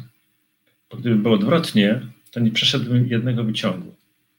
Po prostu mi się wystraszył, zjechał z pierwszego wyciągu, zwinął zabaweczki i poszedł do domu. I tak trochę jest z, z Wojtkiem. On się boi tylko do momentu wejścia w ścianę. Jak już nie wejdzie, to przejdzie. To, mm, to, co zrobił to, co zrobił w towarzystwie swojego mm, partnera, mm, Austriaka. Robert Schramm. Tak, to, to jest ewenement. To zdaje się, że y, ma, ma, magazyn Climbing uznał to jako jedno z największych albo największe wydarzenie w, w Himalajach XX wieku. Ale, y, zostaw, tak, ale zostawiając już to wszystko, podsumując, ja, ja się nie spodziewałem, że tyle od, czasu od Pana dostanę, bo byliśmy mówieni na, na taki czas, jaki byliśmy, ale szczęśliwie Pan się pojawił już w Rzeszowie, tak więc nie musi Pan zaraz jechać. Ale kończ, z, z, zbliżając się do końca, chciałbym zamknąć naszą rozmowę y, znowu powróceniem do Arktyki i do Antarktydy. Tu jeszcze było jedno pytanie po drodze, czym te niebezpieczeństwa się różnią w Arktyce, a wysoka, wysokich górach? Jedna z Pań zapytała, myślę, że Pan już sporo na ten temat powiedział, jeżeli uznałby Pan, że, że w tych wypowiedziach o Arktyce chciałby jeszcze Pan do tego wrócić, to bardzo proszę. A teraz mhm. prosiłbym również o, o to, żeby Pan odniósł się do swoich najbliższych planów, y, y, co przed Panem y, i, i, i co z tą Antarktydą, no bo, no bo to jest bardzo interesujące. E, tak, no to może najpierw to, to, to co, co, o co pyta Pani. Rzeczywiście o wielu rzeczach już powiedziałem, nie powiedziałem tylko o jednej, mianowicie e, w dużych górach nie można spotkać niedźwiedzia polarnego. I to jest, i to jest ta mała, drobna różnica, że niedźwiedź polarny to jest jednak istota, która e, która może namieszać w Twoim życiu. No. Natomiast y, cała reszta jest do ogarnięcia. Tego się nie boję. Natomiast jeśli chodzi o, o misia polarnego, no to, to, to, trochę mnie to jednak smuci. Widok, y, bo to oczywiście człowiek, y, człowiek jest niewolnikiem tego, co się dzieje w internecie, a w internecie są tak szczególnie na tej ziemi Franciszka Józefa, jak Rosjanie eksplorują i, i czasami z, z, rosyjskimi tymi specjalistami od spotkań z niedźwiedziami polarnymi jest trochę jak z rosyjskimi kierowcami. No, są takie same filmy, jak oni mają piękne wypadki. Naprawdę piękne wypadki potrafią robić na, na drogach, tak samo potrafią się zachowywać w do niedźwiedzi. No i kiedyś widziałem takiego pana, który się tam zabawiał z niedźwiedziem i się z, z nim zbliżył się do niego o te pół metra za blisko, no i niedźwiedź go capnął łapą. Ale to tak na marginesie. E, co z moimi wyprawami polarnymi? Otóż tak, ja sobie moje marzenie było bardzo proste. No, chciałem, tak jak Amundsen, dojść do bieguna, stanąć na tym biegunie i wrócić z powrotem do miejsca, z którego wyszedłem. Nic więcej, po prostu. Nawet pójść tą samą szlakiem, co, co Amundsen przez e, lodowiec Axel Heiberg, przez góry transantarktyczne, no bo on tak właśnie, on tak właśnie poszedł. E, no i zacząłem się powoli do tego przygotowywać.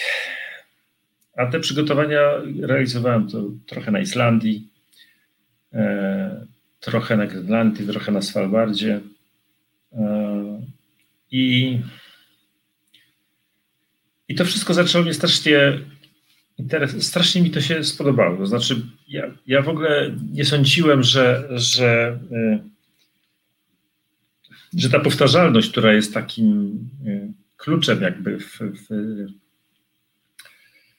kluczem w, no, do, do sukcesu w wyprawach polarnych, bo każdy dzień polarnika jest mniej więcej podobny do tego, który był i do tego, który będzie. A że ta powtarzalność mnie w ogóle jakoś nie, nie zniechęci, że, że, że to, że przez 60 dni trzeba robić to samo, no to co? No to trzeba, no i tyle. No. Ale i, to mnie nie zniechęciło. I to jakby po, po, po, pierwszych y, tam dwóch wyprawach już wiedziałem, że wytrzymam te 60 dni na lodzie, czy nawet 70. Nie wiem, czy moja żona to wytrzyma, ale ja na pewno. Ale też, y, też cieszyło mnie to, że za każdym razem też się czegoś nowego nauczyłem.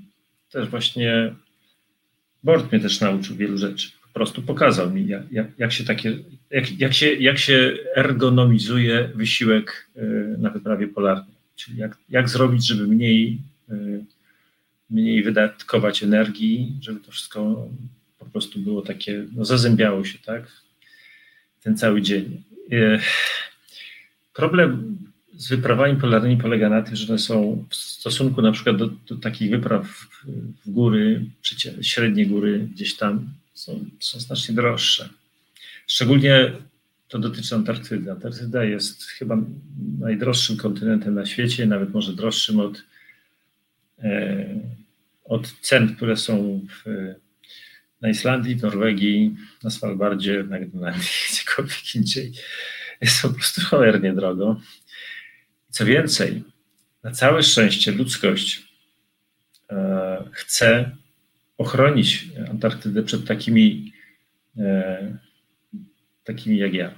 Czyli krótko mówiąc, dostęp ludzi, którzy po prostu chcą się przejść, na, na coś zrobić na tej Grenlandii jest ograniczony. Nie można tak sobie po prostu pojechać, jak na przykład jedziesz sobie na weekend do Paryża albo do Londynu, albo do Rzymu. Po prostu trzeba się mocno starać, żeby się tam dostać. Ale też i e, e, czasami jest tak w życiu, wiesz, że, że, że no, chcesz złapać tego króliczka, ale ogromną przyjemność też masz z tego, że go gonisz. I ja gonię tego króliczka, czyli, czyli tę moją, tą moją wyśnioną wyprawę na biegun południowy, bo z, musimy sobie zdać sprawę z tego, że żaden z polskich zdobywców bieguna południowego nie wykonał tego w tą i z powrotem. Zrobił tylko w tą. A nawet e, na każdej wyprawie, jak wchodzisz na wierzchołek, to musisz z niego zejść. Więc jeśli chodzi o wyprawy polarne, też proszę bardzo, doszedłeś do bieguna, tam jest tutaj ogromna stacja. W 1912 roku, jak tam pierwszy doszedł Amundsen, nie było żadnej stacji. Został tylko jego czarny namiot. I to, że tam jest ta stacja, to niczego nie zmienia. Ja muszę po prostu zrobić kółko wokół tej srebrnej kuli i wrócić z powrotem do miejsca, z którego przyszedłem. To się wtedy liczy. To jest zdobycie bieguna prawdziwe. Naprawdę, tak jak się to powinno zrobić. Jak to się ładnie mówi w Polsce po Bożemu. Natomiast, y, natomiast no, na, na przeszkodzie zawsze jest to, o czym kiedyś mer Grenoble powiedział do, e, do Napoleona, kiedy ten wracając Elby zapytał go, e, dlaczego jak wkraczał do Grenoble, to nie strzelano z armat. No, są, jest jeden bardzo poważny powód, panie y, Sir nie mamy armat. Ja po prostu nie mam na to pieniędzy. To jest bardzo drogie przedsięwzięcie. Polska jest w potrzebie i nie ma na takie ekstrawagancje jak moja wyprawa prawdziwa, mająca na celu zdobycie bieguna. I tyle. Ale jestem cierpliwy, czekam. Może się to jeszcze zmieni. Lata mnie specjalnie nie przejmują, bo no bo co, no, już nic się wielkiego w moim y, organizmie nie zmieni. Na gorsze, może za 10 lat, może za 15, ale nie teraz. Więc będę cierpliwie czekał i cierpliwie się dalej uczył. Jeśli wszystko dobrze pójdzie i no, no i no, żyjemy w takich czasach, jakich żyjemy, nie ma co, co tego rozwijać, tego wątka, no to może nauczę się posługiwać, znaczy nauczę się lepiej posługiwać latawcem, a to jednak daje straszną frajdę. Ja to, robiłem zeszłej zimy i dawało mi to kolosalną frajdę. I to jest coś takiego, co tak jak, jak moje dziecko, to dostałem taką zabawkę i po prostu cieszę się jak moje dziecko, że, że mogę to robić. I, I, już takie nawet uwagi pod tytułem taki stary, taki głupi już na mnie nie robią żadnego wrażenia po prostu i będę to robił tej zimy, jeśli będzie w Polsce śnieg, a jak nie, to trzeba będzie gdzieś do jakichś okolicznych krajów wyjechać, gdzie jest płasko i jest śnieg. Znam takie jedno nawet miejsce, nazywa się Hardangervida. To chyba gdzieś tam u was jest, nie? Tak, tak. Y, miałem okazję zwiedzać, piękne, ładne, potwierdzam. No tak, tak. W miarę płaskie. No. No, w ostateczności, jeśli nie, będzie, jeżeli nie będzie zim i nie będzie nic, to się pojedzie na pustynię. Tam też można spróbować na, na nartach pustynnych jeździć. Takie, y, takie przypadki też są. To po prostu kwestia pewnej kreatywności i nie poddawaniu się. O, i to, chyba, to aż, aż tyle. Nie, tylko tak, to, to jest tylko, tylko, tyle. tyle. Jak to powiedzieli kiedyś do pana Rosjanie, y, gospodyń pustelnik, y, witamy, witamy ponownie. A ja, y, ja też pana chyba tak, no chyba tak. Ja mimo wszystko w niedługim czasie znowu się do pana zwrócę z prośbą o rozmowę, mm, bo tematów pobocznych, czy to głównie związanych z naszym dzisiejszym spotkaniem, może pytań związanych z tym tematem jest jeszcze wiele, które chciałbym zadać, ale poruszył Pan tutaj na tyle dużo mm, interesujących aspektów, które wzbudzają potrzebę słuchania ludzi, którzy mają zupełnie inne podejście do, do życia czy do świata z punktu widzenia własnych doświadczeń. Nie byliby tacy, gdyby takich doświadczeń nie mieli, albo by nie mieliby do powiedzenia nam, y, obserwatorom, pewnych kwestii związanych z tym. Y, y, więc w tym momencie troszkę się tak brzydko podlizuję, że może w przyszłości się jeszcze spotkamy. A, a, a teraz, żeby tak to wszystko zamknąć jedną mm, mm, mądrą w miarę klamrą, y, gdyby Pan miał dać trzy wskazówki takiemu małemu chłopcu, który leży i y, marzy o Amundsenie albo o wysokich górach, który jest takim kilkuletnim chłopcem, to co by to było, Panie Piotrze? Po pierwsze, hmm nie bój się swoich marzeń. Jeżeli masz marzenia, to one z czegoś wynikają. Z Twoich jakichś wewnętrznych potrzeb, z jakichś e, ukrytych pragnień i, i nie bój się tych marzeń. Po prostu przyjdzie taki czas w życiu, że zaczniesz je realizować. Nie wiesz kiedy, bo życie jest całe szczęście wspaniałą zagadką. Nigdy nie wiesz, co się spotkało dnia następnego. Gdzie w Twoim, w którym miejscu Twoje życie zatoczy jakąś tam krąg i, i trafisz w końcu w takie miejsce swojego życia, że zaczniesz te marzenia realizować. Więc po pierwsze, nie bój się marzeń. Po drugie, nie bój się realizować marzenia. Czyli, czyli e, realizowanie marzeń ma tę wspaniałą cechę, że człowieka wyzwala z pewnej, z pewnej codziennej rutyny i powoduje, że zaczynasz rozbudowywać swoją kreatywność. Nagle okazuje się, że, że jesteś pomysłowy, że szukasz różnych nietypowych rozwiązań, starasz się myśleć w sposób e, no, jak dla ciebie nowatorski, więc nie bój się marzyć, nie bój się realizować marzenia i nie bój się tych metod, którymi będziesz realizował tych, te marzenia. Ale pamiętaj o jednym. Za wszystko, co zrobisz w życiu, musisz zapłacić jakąś cenę. I musisz o tym pamiętać.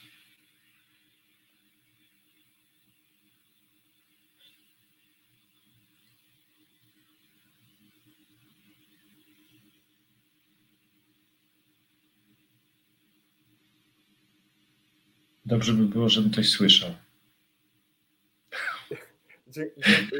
Dziękuję, dziękuję panu za, te, za to podsumowanie. Dziękuję nawet nie za kropkę, ale za trzy kropki, które pan tu postawił, bo z pewnością takich wskazówek byłoby więcej.